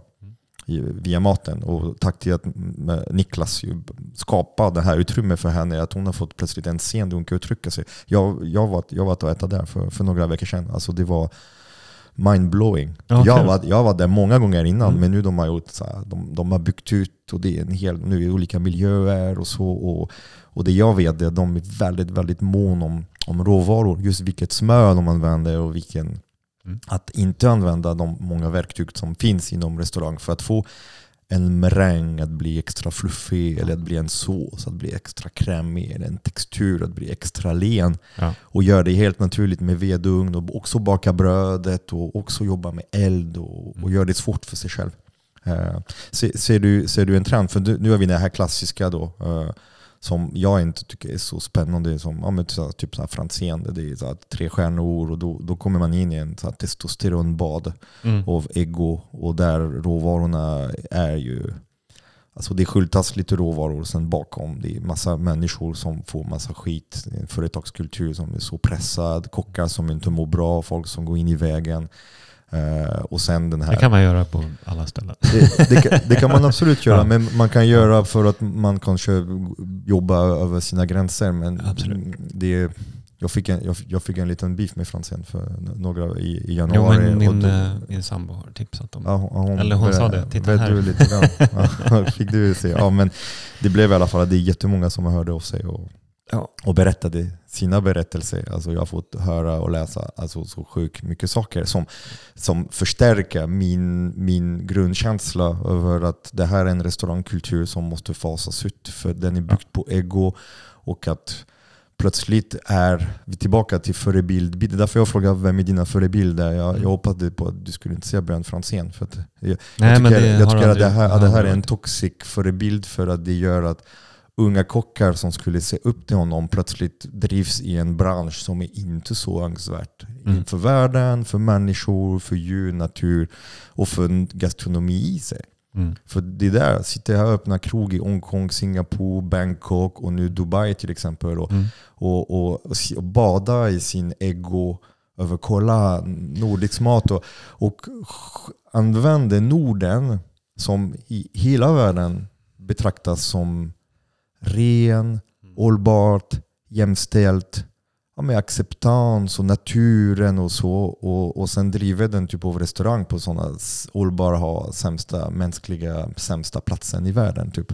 Ja. Och, och jag tycker att det blir en sån skevt bild på, på vad gastronomi är. Mm. Jag, det gör mig så ledsen att så många sig upp. I och för sig blev jag jätteglad för det är sjukt många som har tydligen avbokat sina middagar där. Alltså, de, de fick en våg av avbokningar som inte är så nice i en trestjärna Michelin. När man får så många, många som avbokar på en gång. Men det, det är ändå många som man säger, okej, vill jag äta på en sån ställe där de, de, de står vi ska starta en krog där människor, det är modern slaveri, det är kvinnoförtryck, homosexuella får hamna i fängelse Mm. och allmänt ohållbart när man bygger jävla ö med sand från eh, andra sidan världen och står här och, och bränner olja. Medan jag, jag står här och åker fram och tillbaka till Östersund med nattåg och sortera sopor och eh, alltså, stöta lokal jordbruk och sitta här och sen andra sitter och spelar golf i en, Ja. i en jävla golfbana som är AC nedkyld mitt i öknen. Ja. Ja. Och sen ska vi backa in alla här inom, inom, inom gastronomi. Mm. Jag har ju kokboken i och för sig. Det står, det står där i. Men det, den köpte jag mest för att det var Mattias som skrev den. Han, det är han som har skrivit texterna. Vilket, vilket uh, Franzén-kokboken. ja, en Mm. Den har jag inte. Nej. Men det är, det är Mattias Kron som har skrivit Ah. texterna. Okej. Ja. Mm. Jag, jag, jag gillar Mattias. Mm. Ja, men, Men- det gillar jag men, också. eh, Men, men- alla, alla kan göra lite. Ja, exakt. lite Eh, Men det som jag... Mm, jag försöker så här... ehm, så du har, du har Fransen kokbok på din hylla i din Ja, restaurang? jag vet. Fy fan. Men du vet, ibland så måste man... eh, Måste vara bred. så här, jag försöker... Det är, lätt, det är lätt att kritisera saker som man bara ser. Mm. Eh, Men ibland måste man liksom fördjupa sig lite mer i... Och jag menar, jag tycker ändå... Jag var i USA när um, Franzén Lindeberg öppnade. Mm. Eh, och var på väg tillbaka och skulle söka, börja söka jobb i Sverige och ville hamna på något bra ställe. Men ehm, eh, då fick de en del uppmärksamhet och man började liksom titta på oss. Så det var väl så här, och man, det där verkar ju jättecoolt. Liksom, de försöker göra en liten restaurang. Ja, det var fantastiskt när de Ja. var på Gamla stan. Ja. Förutom brödet som var, trå- brödet var tråkigt. Den gäste på bordet medan man åt. Typ. Ja, men, men jag kände ganska snabbt att det var, att, så det var inte min typ av... Jag gillade inte liksom grundinställningen. Vad var det de jagade? De jagade ju liksom... Stjärnor. Och jag tycker ändå att Björn har väl aldrig riktigt liksom påstått något annat. Det har Mm. alltid varit prestige och, och, liksom, och sådär. Som, och jag vill kanske inte lägga ord i hans mun heller. Han får väl säga precis vad han vill. Men det är så jag uppfattat det i alla fall. Jag har aldrig, jag har aldrig sett honom som en, en förebild för att mina förebilder har varit um, sådana som jag uppfattat har jobbat på, an, på grund av andra anledningar. Eller har liksom sökt andra. Målen har varit andra. Mm. Och jag har inget problem så här. Det är samma som jag brukar säga det. Jag har inget problem med McDonalds om de inte hade ljugit om allt de gör. Om de har varit ärliga. Så här. Mm. Det är så här liksom det är så här det ser ut. Eh, och vi gör det här på grund av det här. Vi är egentligen en, ett fastighetsbolag. Men inte, och så som, som trycker i folk skit. Mm. Alla vet ju att det är dåligt. Men, men man, sen så berättar de en bra historia. Då, Det är väldigt få som vet att McDonalds är en fastighetsbolag. Huvud, Ja. Huvudsakligen. De Ja. använder restaurangerna Ja, för att äga exakt. mark och ta betalt på hyran. Och det är, Precis. Hela som världen. Som att tjäna pengar. Mm. Ehm, och det är, ett, det är väl lite så som, liksom, mycket av restaurangbranschen också. Där man skriver, stora grupper mm. tjänar ju kanske inte pengar på kanske inte tjänar pengar på um, själva restaurangen. Men det är andra saker runt omkring som är, Mm. vi äger de här fastigheterna Alltså de, i, på de flesta bra restauranger ägs av en stor koncern bakom. Exakt. Eh, Alltså Franzén ägs av, det är också Axfood ba- bakom. Så det är Ja. sådana stora, stora bolag som står Mm. bakom och eh, påstår, ja men de använder det som en slags greenwatch-filter. Alltså kolla, vi, har, vi håller på med det här. Ja. Och det, Ja, och så här, Mm. Fine. Jag, jag kan, jag, jag har lagt stora värderingar i det men jag blir bara jag blir trött. det har blivit en mjukis. Ja, klart jag är det. Jag är inte, jag är inte stor och hård. Nej, men det handlar inte om att vara stor och hård, men det, Nej, men- det är mer att... um, Förstår jag menar? Alltså jag kan, jag kan säga, um, jag känner att det, för, för min, jag hamnar bara i dåliga tankar själv när jag, när jag går in för mycket i det där och börjar kritisera.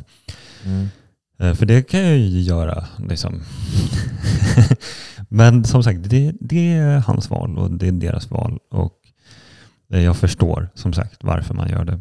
Jag förstår att, att man kan ha den målbilden. Och så här.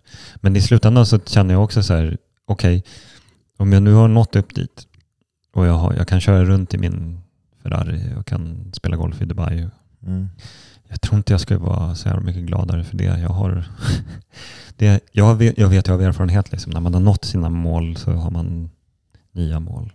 Kan, det- kan det vara att du har empati och du älskar naturen och att du ser Mm. att den bilden av livet är inte riktigt, Nej, men jag eh, känner inte passar inte riktigt med jag känner- natur och Nej, jag känner, inte att, jag, känner mig, jag känner inte riktigt att, att jag har rätten att bara ta för mig.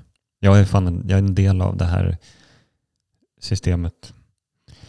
Och det, jag, kan, jag känner, jag känner inte, absolut att jag skulle kunna liksom, hamna i den mindseten att fuck that. Liksom, jag skiter väl i andra. Jag kör. Mm. Livet är kort. Jag ska snart, jag, jag dör säkert innan på något jävla intressant sätt ganska snart. Men eh, så att jag Mm. bara kör. Liksom, tro mig, jag skulle vilja bada i pengar jag också. Det skulle vara jätteskönt. Mm. Eh, Men jag tror inte det skulle, det är inget mål i sig. Det är inte det som är... Det skulle underlätta massa saker. Det skulle, jag skulle kunna slappna av på ett helt annat sätt.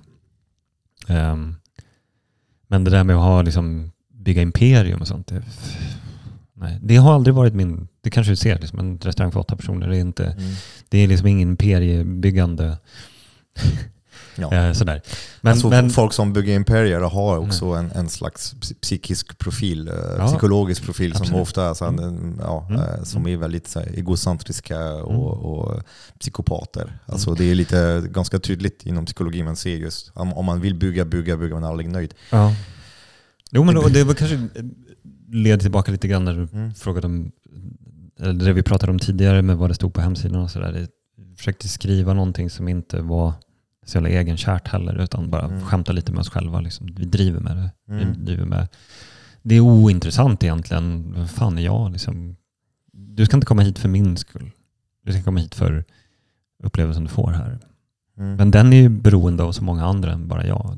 Bara för att det är jag som lagar maten.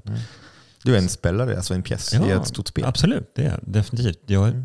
har inget, liksom, inte egodrivet alls Mm. överhuvudtaget. Ehm, Det, det tror jag är onyttigt för den. Man hamnar, Ja, men- man hamnar i en dålig plats. Jag märker att alla som jag känner som är väldigt, väldigt ödmjuka och väldigt mån om natur, om biologisk mångfald, om hur de jobbar, vad de gör, som har väldigt stora värderingsgrunder. De har väldigt, väldigt lite ego. Att det verkar som att, att släppa ego är en stor del i att kunna känna sig en del av världen och kunna hitta, hitta lycka och glädje. Mm. Och det är så fort man börjar studera liksom, ehm, filosofier och Mm. ja, religioner till viss del också. Att det, det handlar ju väldigt mycket om Gamla kulturer, alltså hur allt, folket... allt där. Ja. Mm. All, allt som, som man skulle beteckna som lite upplysthet. Mm. Det handlar till 100% om att man släpper egot. Mm. Ehm, liksom, det har blivit mer och mer liksom snack om sådana här eh, psykofarmaka kanske. Som Ja. man kan använda sig av. Och det, Är det så? En anti-ego. Ja, men är, Inte antiinflammatoriskt, kan man få en anti-ego ja, men, preskriberat? jo men så är det ju. Det Ja. finns ju sådana medel, absolut, Mm. som man kan ta och uppleva. Mindre ego, Ja. mer stolthet. Mm, absolut. Och alla fall lite ansvarstänk. Att man är, att man är faktiskt en del av, av eh, hela det systemet. Men återigen, folk gör sina val. Och Mm. jag är helt säker på att om jag skulle gå och äta på den här restaurangen som vi pratade om Mm. så skulle jag tycka att det var, det skulle säkert vara jättegott. Jag tycker bara det lämnar en liten, när man vet, när man har liksom fördjupat sig lite grann i hur det ser ut så smakar det inte lika gott. Liksom. Mm, man vet bakom Ja. vad, som är, vad som står bakom. Det är en massa människor som Och det är en av anledningarna till att jag gör det som jag gör det här. stora drömmar. Att här kan man liksom inte dölja någonting. Nej, nej, nej. Det är naket. Ja, Det är rå, väl- det är filtrerat. Väldigt, väldigt så. Och um, um, jag tycker det är fint när man inte kan gömma sig bakom någonting heller. Då blir det vad det är. Vad det är. Mm. Ehm, Men det är äkta. Ja, förhoppningsvis. Mm. Eller, eller, det, eller ja, det, jag- det har beskrivits som det eh, ibland. Genuint och så. Men det finns ju inget annat sätt att vara på. Om man, eller? Mm. Nej, alltså jag är i samma spår som du. Jag tänker att livet är kort och eh, man måste hitta en mening i livet. Jag tänkte, vad, vad ska jag göra med mitt lilla liv? Och vilket tur jag har som har det här livet. Att jag har den möjligheten. Mm. Att jag har det här privilegium att få vara en vit man i Sverige som har haft det här möjlighet att kunna förstå och öppna alltså hela världen och, eh, och öppna sig. Och vad, vad ska jag göra av det? Ska Mm. jag bara missbruka det och bara skita i allt och bara ego och allting? Eller ska, man, eh, ska jag men dela med mig. Som det, det, vi gör nu till exempel. Alltså Mm. alla, alla ni som lyssnar, alltså som sitter och får bara um, uppleva just Gustavs ehm, filosofi och, eh, och våra lite ta- tankar. Alltså att det, det är någonting som man ska vara väldigt tacksam för. För det är också det. Alltså du tar dig tid att sätta det här. Jag vet att du har sjukt mycket och jag tar mig tid att göra det här. Och ni tar Mm. tid också att sitta och lyssna. eh, och ehm, ja, men ta, ta sig tid och landa ner och reflektera och Mm. tänka. Vad är meningen med livet? V- vad gör vi här? Varför är vi här? Och jag är bagare. Hur ska jag utföra mitt bagaryrket? Vad Ja. ska jag? Är det inte min mening för mig att koppla jordbruk och människor? Koppla ett bit mark till människors mun. Göra folk glada, gastronomisk upplyft. Och tycka att mm, gott, men också fylla dem med näring. Mm. Och sen ge dem ett verktyg att kunna bidra till ett mm, jord som är friskt och som innehåller en massa mikroorganismer och maskar och som inte använder massa pesticider och allting. Ja. Det låter som en ganska, det, det är ganska sjukt att det ska vara så svårt. Det Ja, låter som verkligen. en jävligt bra program. Eller hur? Ja, ja. Vad vill vi? Vi vill ha gott mat, näringsrik, lyckliga människor, djur som har bra liv, natur, insekter, fåglar, Ja. rent vatten. Ja. Check. Är det någon som är emot det här? Nej. Nej men, Tydligen. det var väl, ja, så? ja, Var- Varför fast- är vi så motarbetat? Jag förstår inte riktigt varför, men det har ju varit en, det var en sån där en grej där eh, i, ehm, i början att, att eh, liksom, eh, ansvarsfullt jordbruk och sådana saker inte, det är inte på bekostnad av hög gastronomi. Mm. Förstår du? Det, det är liksom till och med, till och med förhöjer. Det, det vet vi också, det har ju pratats, i, i, många har sagt det tidigare, men de absolut bästa grejerna kommer ju från de mest ansvarstagande producenterna. Det är liksom, och det beror mycket på eh, hur de jobbar med jorden, men också att de faktiskt bryr sig jävligt mycket om vad Mm. de håller på med. Men, men just att, eh, så här, mm, att att försöka liksom bara jobba, eller jobba på ett hållbart sätt inte eh, betyder sämre gastronomi. Nej, tvärtom. Jag Ja. tror att man får mer. Och dessutom om man vet att det här är bra. Så, länge, så länge det inte blir liksom som en... Det absolut... Eh, det tristaste att få liksom någon form av uppmärksamhet för det är ju om man är i den här... Om det bara är fokus på hur jävla hållbar man är. Mm. Men det har ju ingen betydelse Om det om det inte är, precis, om det inte är en, en, en, liksom en, en upplevelse som förgyller Mm. också. Det måste ju vara det. Fan, många restauranger som har försökt jobba, bara, vi, gör, vi gör det här och det här och det här. Och sen är de helt ointressanta att äta på. Mm. Det, blir bara, det är nästan så att det blir lite, det blir liksom lite självgott att vi är så jävla hållbara. Mm. Fast vi kan inte laga mat. Liksom. Mm. Vad tycker du om 3, 365-guiden? Som är byggt på hållbarhet på restauranger. Ja, jag var är, ganska du med? Är du tydlig. med? Är du med? Nej, Du är inte jag är med? inte, jag är inte med. Jag var ganska tydlig där. Det säger en del om. Jag vet inte, det var ett val som jag gjorde. Jag var med första året. Okej. Och sen satt vi på galan. Och så var det sponsrat av Nescafé och de här stora. Mm. Jag satt bredvid Matt Orlando, kommer jag ihåg, som drev Amas. Mhm. De vann ju hela galan också. Ehm, eller hela den biten. Ehm, och ehm, han tyckte också, han tyckte så här, fan vad konstigt det är. Mm. Det känns inte helt, liksom, jag fattar att de måste få pengar, men vad fan.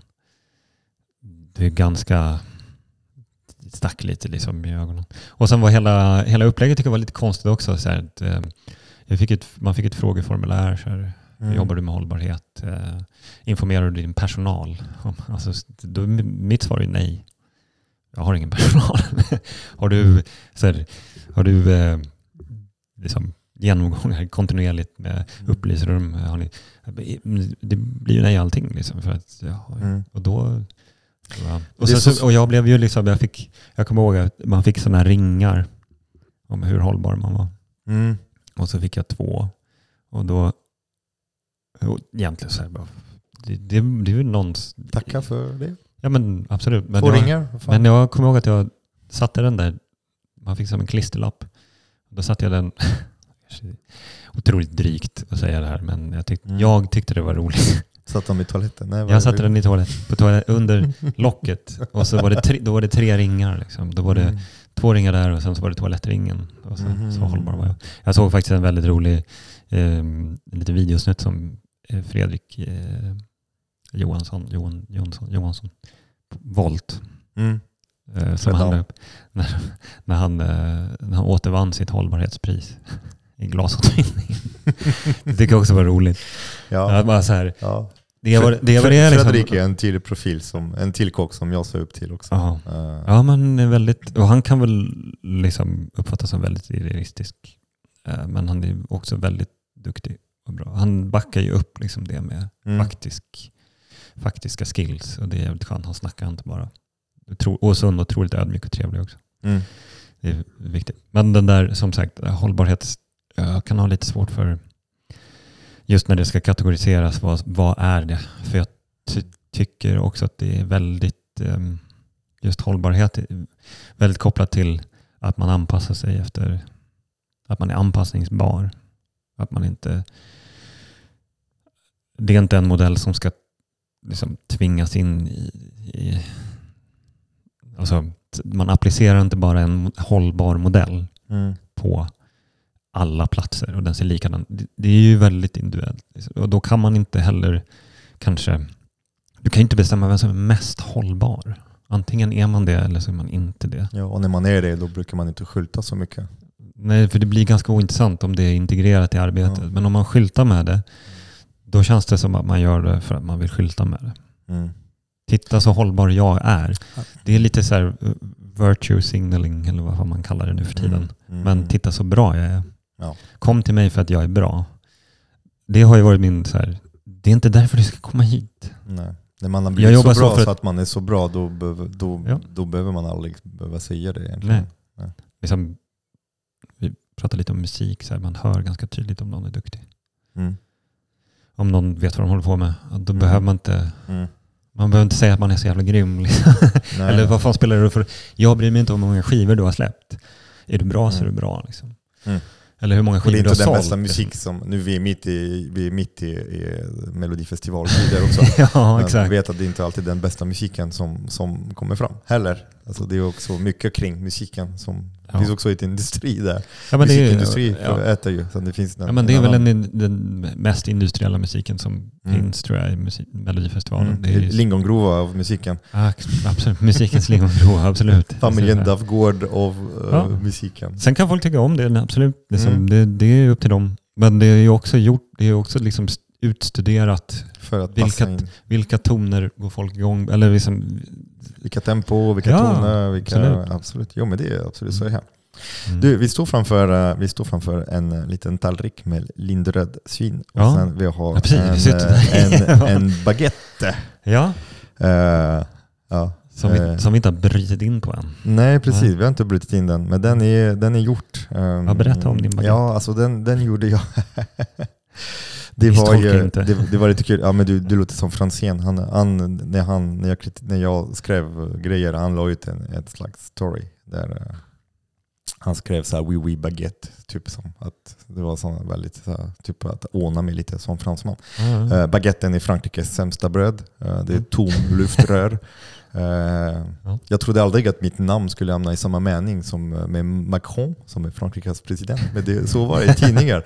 okej. Hyllad av Macron, sågad av Boudet. När baguetten blev sån Unesco, eh, alltså arvskatt. Ah, okej. typ, någon slags, och baguetten är ju en katastrof. Det är också en, en industrialiserat bröd, ett luftrör, tom på allt. Typ, och så. Hur, Så ska jag nej. ta, hur ska jag ta det att tar med en baguette till mig? Ja, men jag, jag tog en baguette som är inte tom. Alltså jag tog en, en baguette, för baguette är en form, det är inte ett bröd. Och Ja, då, precis. då gjorde jag med, jag var på Gotland så jag tog med mig en, en spannmålsblandning som Kurt Niklasson odlar. eh, som består av MR, NK, gotländsk spält. Alltså det är en massa ursprungliga gotländska Mm. sorter som bevarades och som odlas tillsammans i fält. Som är en åt i höga djuprotssystem, alltså fantastiskt fält. Mm. Ehm, och då malde jag de där spannmålen och gjorde så här rakt ut en baguette på fullkorn. Det är bara att jag har en speciell teknik för att få lite luftigare. För om man jobbar med fullkornsmjöl, det, det vet du, det blir Ja. ganska tung och Ja. kompakt. Det är att jag siktar bort kliet, låter degen autolysas så att den kommer ihop en halvtimme, 45 minuter. Mm. Och sen då går jag in med kliet i efterhand. Så att kliet lägger sig platt på glutenet och inte stör glutennätverk på samma sätt. Så du kan få ett fullkornsbröd som får ett känsla mer luftigt och mer öppet inkrom. Okej. Vilket jag tycker passar ganska bra med, med baguetten. Så tänkte om, eh, och det blir så super...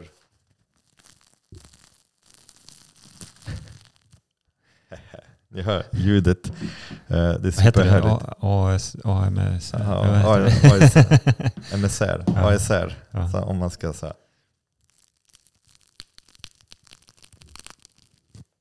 Det är så skönt. Det, det, det är så min startmusiken, det är så. Det, det är ja, bröd, det är bröd jag som, är, det. Som på den heter bryta bröd. Så nu har jag brutit med handen, jag har Ja. inte tagit kniv. Och Nej. man ser ett ganska härligt Ja, verkligen. öppet i som inte är så jätte, jättemörk. För det, det var väldigt stora kärnor. Och när Mm. man har stora kärnor då får man mer mjöl. Mm. Mindre Mm. kli, mindre skal. Ja. Så det blir Precis. eh, ett lättare mjöl att baka. När man har små kärnor, det blir svårare. Då Mm. brukar jag göra gröt. Mm. Då blir det jättegott gröt. Mm. Eh, så att eh, om du vill, alltså, man får, här är en podd man får, man får mat i munnen. Det är Ja, men det är härligt.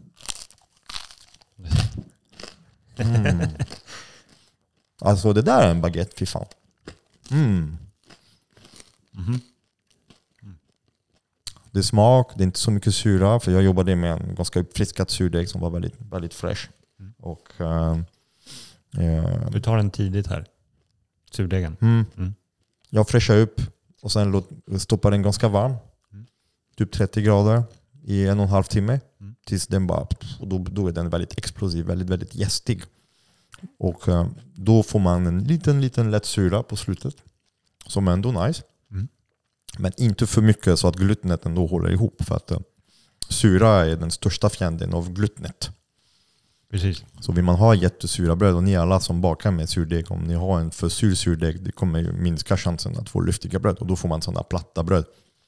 Precis. Det är en, en förändring som jag har gjort under den senaste, det senaste året faktiskt. Mhm. Ehm, att jag inte friskar över natten utan friskar samma dag som jag Mm, bakar. jättebra. Vem, Det blir en, hur, hur kom du på det? nej, för att det, mm, det går för långt. Alltså det blir, ehm, det Det är blir svårt att pricka också. svårt att pricka, jättesvårt. Att, ehm, ehm, det funkade ganska länge att friska över natten. Men sen så började det, när det började bli liksom mer och mer kompakt och mindre och mindre så som jag Mm. eftersträvade. Så kände jag att ehm, ehm, jag vill ta den tidigare. Liksom. Jag, vill, ha- jag vill inte ha så kraftig syra. Det, det är ändå ett bröd som ska passa in Mm. i... eh, det ska vara ett måltidsbröd. Liksom. Om det är för tungt och för syrligt så Mm. blir det, in, det blir lite... Och äta det till mat. Lite, ett matbröd måste ju ändå vara... Alltså kan äta i en meny eller till en meny. Det får inte vara för kraftigt kanske Mm. tycker jag. Ja. Ehm, så det är det jag eftersträvar. Och, eh, så då började jag undersöka det. Och jag, vet, jag vet ju av... Jag har ju haft den här eh, tartin, liksom. Usch. det har varit, det har varit liksom så... Mm. Jag tycker det var en otroligt... ehm, På tal om förebilder som, Mm. som påverkar kulturen negativt. tycker du? Ja, Okej. alltså det här Kaliforniens bakning, den är inte anpassad för Norden. Det placerat, det är det här nordiska som jag blir så, att man tycker att alla andra är så mycket bättre och att man ser upp till andra från Mm. den andra sidan planeten. Och blir, alltså vi har ett speciell... Det som jag ska, jag säga om den är att Mm. en otroligt pedagogisk bok. Och eh, för mig så var det, man kan följa steg väldigt lätt. Jag vet att du har också pedagogiska böcker. Men du att jag inte är pedagogisk, eller vadå? Jo, absolut. Men den här kommer jag ändå... Jag har, Mhm. jag har kaffe här. Ehm, mm, jag tror... Jag har i alla fall tyckt att den var väldigt... eh, Det, för den, när jag började liksom verkligen tänka på bröd så var det den typen av bröd som var väldigt... Eh, var liksom min... Mitt, mitt så här, Målbild. målbild. Ja, men Mm. ett väldigt så här, eh, krispigt utanpå, Mm. krämigt inuti. Two minuter. Ja. Tompon, tomponering, snabb Ja, men det var så... Väldigt Ja. stark, Ja. baserad på mjöl som vi inte har. Nej, Men han har ju ändå gjort liksom, Ja. böcker med, eh, med kulturspannmål. Och Det gjorde han. biten. Men Ja. det var, den, det, var, det var fjärde boken. Det Och- tog ändå fyra Mm. böcker att komma dit. Så att Jo, men de pratar, flesta... pratar mycket om, liksom, han var i Mm. Norden, gjorde Mm. resor i Norden, jobbade mycket i Danmark. Mm. Liksom, eh, Richard Hart som är då Hart Mm. Bakery, eh, Mhm. han, jobbade, han var ju chefsbagare på. Tartin och sen så flyttade han till. Och vad, vad hände till Richard Hart så fort han kommer till Köpenhamn och på uppdrag av eh, Fred, eh, Ronny Redzepi ska öppna Nomas bageri. Första han gör är att åka till Italien och köpa och, och, och köpa italiensk vit b- Ja. besprutat konstgödslad eh, starkmjöl. Det är det jag menar, den här förebilderna. Mm. Fan, förebilderna. Ja. Vi, vem ser man upp till? Ja. Det det. Ja, för att komma tillbaka till det så var det, det här, han gjorde en väldigt kort uppfriskning. Så kan man säga. Av surdegen. Så är det. Ja, Ja. och det är det. Om man vill ha mycket sötma. Men eh, det, det är det som är, jag tycker är väldigt viktigt, att vi måste börja bli kära i det vi har. Vi måste börja älska vårt mark och terroir. Och att den här nordiska som, som handlar om att man tycker att alla andra är så mycket bättre. Och att det, det är där eh, man, man ser upp till de där bilderna. Ja. Och det är det som driver kockar att åka utomlands. Det är det som driver kockar att, att hålla på med en mat som där råvaran sitter inte i centrum, det är bara ett känsla. Mm. Och det driver också en utveckling där ja, men så bröd blir tråkigt och tom och meningslös. Mm. Och det tycker jag är jätte, jättesynd. Det var, men det var ju det jag beskrev också med just Mm. bröd, som jag beskrev om Färviken där. Mm. Att brödet var så kopplat till platsen. Precis. Och det var därför det var världens bästa bröd. För den, just då. Låt oss vara kära i det vi har. Ja, Sluta verkligen. drömma sig bort någonstans. Och anledningen till att man reser till andra ställen är ju för att uppleva det stället. Inte för att få Ja. någonting som är generiskt, liksom slätstruket. Mm. Och sen kommer man tillbaka och så vill man inte hylla platsen. Då blir det ju inte en plats värd att besöka heller. Mm. Då blir det bara en plats som vilken annan som helst. Ja, precis. Så det här är otroligt gott bröd. Tyckte du? Ja. Tack. Men jag för, jag för, förväntar mig inte något annat av... Ja, men Liksom. det var en bra dag. Ja. Det var en bra dag. Ja. Och det var ett väldigt bra mjöl. Och um, just att kunna att göra baguette med det var lite roligt för att det, det är lite otippat. Det är inte ett mjöl man brukar göra baguette med och baguette brukar vara ett ganska luftigt, tråkigt bröd. Men om du rostar den här i en god macka så det blir väldigt Ja. mycket skorpa. Ja. Det blir inte så mycket inkrom. Och då, då tycker jag att det blir bättre förhållande skorpa inkrom än Mm. en limpa. Mm, mm, precis. Det här är ju, eh, jag jobbade ju ett tag, jag tror det var första gången vi kanske träffades bara jättesnabbt. Jag jobbade ett tag på Choco på Rörstrandsgatan. Mm, det stämmer, just det. Den här tiden. Ja. Då jobbade jag också Mm. sju dagar i veckan. Mm. Inte jättehållbart. Försökte bygga upp någon, På tal om hållbarhet. Ja, precis. Men då kom jag ihåg, då gjorde vi, då gjorde vi lite sådana fyllda mackor och grejer. Och då pratade vi mycket om liksom, vilken struktur man vill ha på för att kunna äta den också. Mm. Mm. Och ibland så kan man få sådana jättefina, du vet, eh, bröd. Speciellt då, tänk konferens, frukost Mm. och så bara, fast vi har beställt bröden från det här. Och sen är de, folk är ganska trötta och ska börja tugga och så bara får man liksom träningsvärk i käkarna.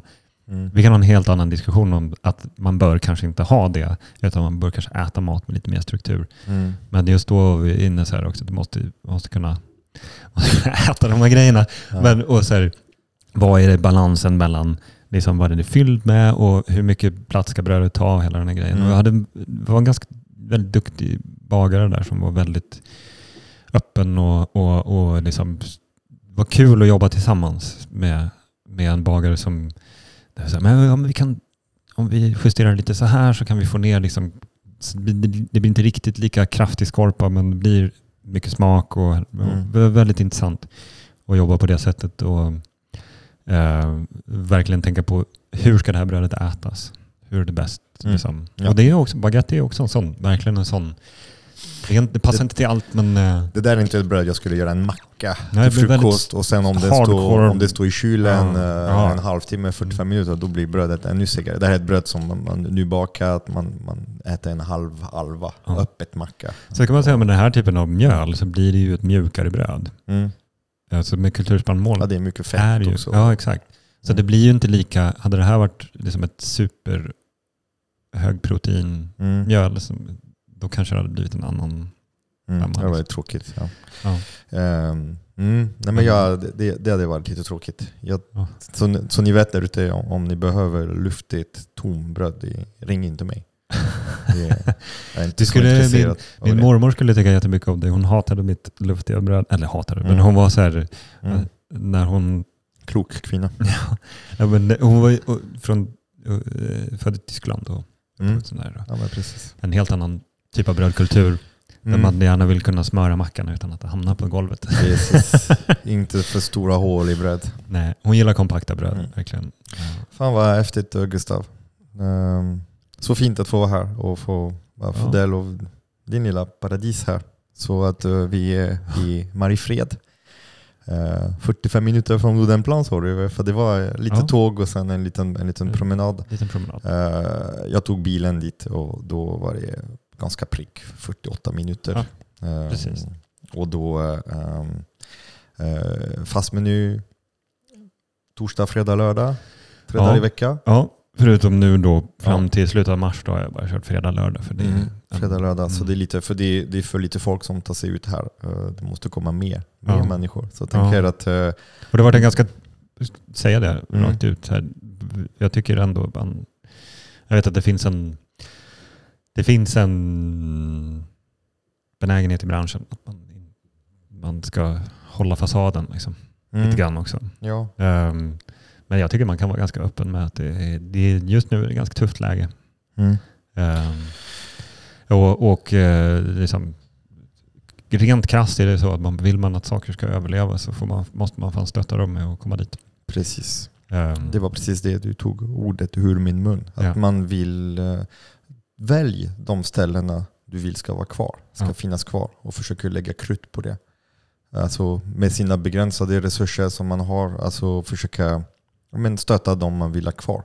mm. Tänk det, hur mycket pengar man kan spendera, spendera onödigt på saker som inte är viktiga. Och eh, se att um, någonting som jag vet är jätteviktigt är att det finns djur och insekter och natur. Och, eh, och det låter konstigt, men, men genom att äta dem då bevarar man också en kultur och bevarar man också en, en, en medvetenhet och en närvaro. Och, ehm, alla restaurangbesök som handlar om att äta bara för det är gott. Det är verkligen eh, ett sätt att motarbeta ju allt som, som behöver göras kring, kring klimat och miljö, och biologisk mångfald, vatten. Alltså, eh, och kan man använda en restaurangbesök som en slags eh, ja, men så tankeställare, inspiration. Det är inte bara underhållning, det är inte bara gott, det är inte bara mättande, det är inte bara en massa näring som går i mig och Nej. som jag mår bra av. Det är också ett sätt att stötta eh, sådana som du som stöttar andra producenter. Ja. Men jo, men de bästa upplevelserna som vi sa, de, ger ju, de har ett medvärde. Inte bara att jag blev underhållen eller mätt Mm. eller, eller att det smekte mina, mina smaklökar på det bästa Mm. sättet. Utan det, mervärdet är ju också den här extra dimensionen som det ger. Mm. Och det är, ja, som vi var inne på, liksom konst eller musiken och sånt där. Det är inte bara liksom penseldrag eller toner utan det är också hur det, det kan vara livsförändrande. Liksom. För, för mig har de bästa restaurangupplevelserna varit, där har man tydligt bytt liksom kurs Mm. någonstans i livet. Sen det är ju liksom eh, inte, inte det som jag, det är inte mitt mål liksom, eh, här. Att få någon att liksom få en, eller det är så här, det, är ju- det, det har ju, eftersom jag själv har varit med om det så är det ju häftigt då om man kan ge en upplevelse som är en stark upplevelse till någon. Det är klart att jag strävar efter det, men, men som sagt, det är inte, det är inte, det är inte liksom det är inte målet. Målet är ju bara att försöka, försöka få göra det här som jag tycker är kul och viktigt. Mm. Är det eh, många kockar? Är det många kockar som kommer hit och äter? Lite då och då så är det några som kommer hit. ehm, också en, eh, Tänker om du... det var också en jäkligt kul, eh, eh, för vi har ju nämnt Mattias Kron några gånger. Mm. Han Mm. la ju en jävligt skön kommentar en gång. Så han frågade också, är det mycket kockar som kommer ut och äter? Så sa jag det, ja, jo men det är en del men inte så mycket, inte så mycket krögare liksom. Mm. Han bara, nej men det är klart att de inte kommer. Det finns ju inga, det finns inga pengar att hämta i det konceptet. Liksom. Det är ju ointressant för, som koncept. Så det är ju inget man är intresserad av att se hur det fungerar. Liksom. Okej. Vilket jag tyckte var jävligt Tråkigt. det är tråkigt men det är också helt korrekt. Att så här, man, man, och det är en del, jag reagerar alltid lite på när man beskriver, när folk kommer hit och så säger de, det är ett sånt kul koncept som det har. För det sista det här är en konceptrestaurang. Precis, det här är en, en, bara en, ett- en ett- spegel av hur naturen Ja, men det här fungerar. är- att det här vi är- människor behöver äta. Och det här är ett liv också som, jag lever mitt liv här och en del av mitt liv är att jag lagar mat till andra människor. Och det försöker jag göra till det som jag kan försörja mig på också. Mm. Och det har jag försökt göra i tio år. Eh, och jag hoppas det funkar snart. Mm. Det är Bra. ganska väsentligt att det funkar snart. Men, eh, men eh, eh, ja, så, så- så ett koncept är det, är det inte. Nej. Det är ett modernt sätt att beskriva någonting. Jag tycker det ska vi komma ifrån. Det är inte det, mat är inte koncept. Mat är, livsmedel är ganska bra. Alltså det är ett tungord. Livsmedel. Medel Exakt. till liv. Precis, och, det Mm. tänker man inte på till vardags. Att, Mm. Livsmedelsbranschen. Tänk, Tänker på det hela tiden. livsmedelbransch. Ja, men jag förstår vilket jävla ansvar. Sen jag kom till Sverige, alltså, Ja. hur, ser man, hur ser man mat? Eh, Livsmedel? What? What? Ja. Alltså, fan, det blev så jäkla ansvar. Mycket större. Så att, um, underbart. Uh, skala bord, Ja. ut i Mariefred, uh, in och boka Mm. eh, och bara bomba. Genom, Eh, eh, bomba precis. Gustav med kärlek och bomba, bomba ja, med alla producenterna. Alltså sprid vattenringar genom att eh, börja med första skott. Ja. Det är, eh, Och ska jag säga det om det, mm, om det, om det just när det tar fart, liksom, när, det, när det blir en ekonomisk eh, stabilitet så möjliggör ju det eh, vidareutveckling. Och det är någonting som Mm. jag liksom är väldigt sugen på. mm, Och kunna, och kunna göra med liksom, och, ändå känna att det är ehm, att man inte riskar allt. För så har det varit hela tiden. Alltså Mm. varje, varje steg man tar så känner man så här, jag hoppas det här går. Jag hoppas Mm. det går. Jag hoppas det löser sig snart. Och sen så andas man ut när det väl fungerar. Liksom. Ehm, men att kunna, att kunna känna en, en trygghet i, eh, liksom mm. ekonomin. Är jätteviktigt. Det vänder Gustav, det Ja. vänder. Det är nu det vänder. Jag vet. Jag söker också, jag kan lägga ut det, jag söker Ja. en mecenat. En mecenat. Okej, Är det någon som har någon- lite pengar och vill investera i biologisk mångfald, natur, vatten? Så har jag, Och en, så har jag, jag har ha ett färdigt upplägg som jag kan Okej. presentera. Ja, okej. Om det skulle vara så. Mm. Ja. Vi, Det är, alltid- vi, det vi, är, vi är fler som letar efter mecenater. Exakt. Alltså, ja, tyvärr är, är filantroperna Det är någonting som inte, borde satsas på, så är det det. Mm, hitta filantroper som, Mm. som vill hitta en mening med livet och stötta Mm. bra, bra folk med hjärtat på rätt ställe. Jag Ehm, har en hel hög med Mm. människor som, som Mm. skulle kunna vara, liksom, som, som kan stöttas på det Mm. sättet. yes. Tack Fint. så mycket. Ja, det Tack för att du var med. Ja, men det var så lite. Det gör jag gärna. Let's do it again. Ja. Mm. Och jag kommer snart att äta också. Bra. Det är bara, alltid välkommen. hoppas att du gör ditt bästa bröd den gången då. Pressen är på. Pressen är på. Hej då, tack för att ni lyssnade. Och eh, ja, vi hörs nästa torsdag. Eh, det blir ett avsnitt varje torsdag så att eh, ja, vänja dig. Att det var så. Det kommer vara länge. Jag har sjukt många så himla spännande gäster framöver. Och så. Tack för att du följer. Kram, hej.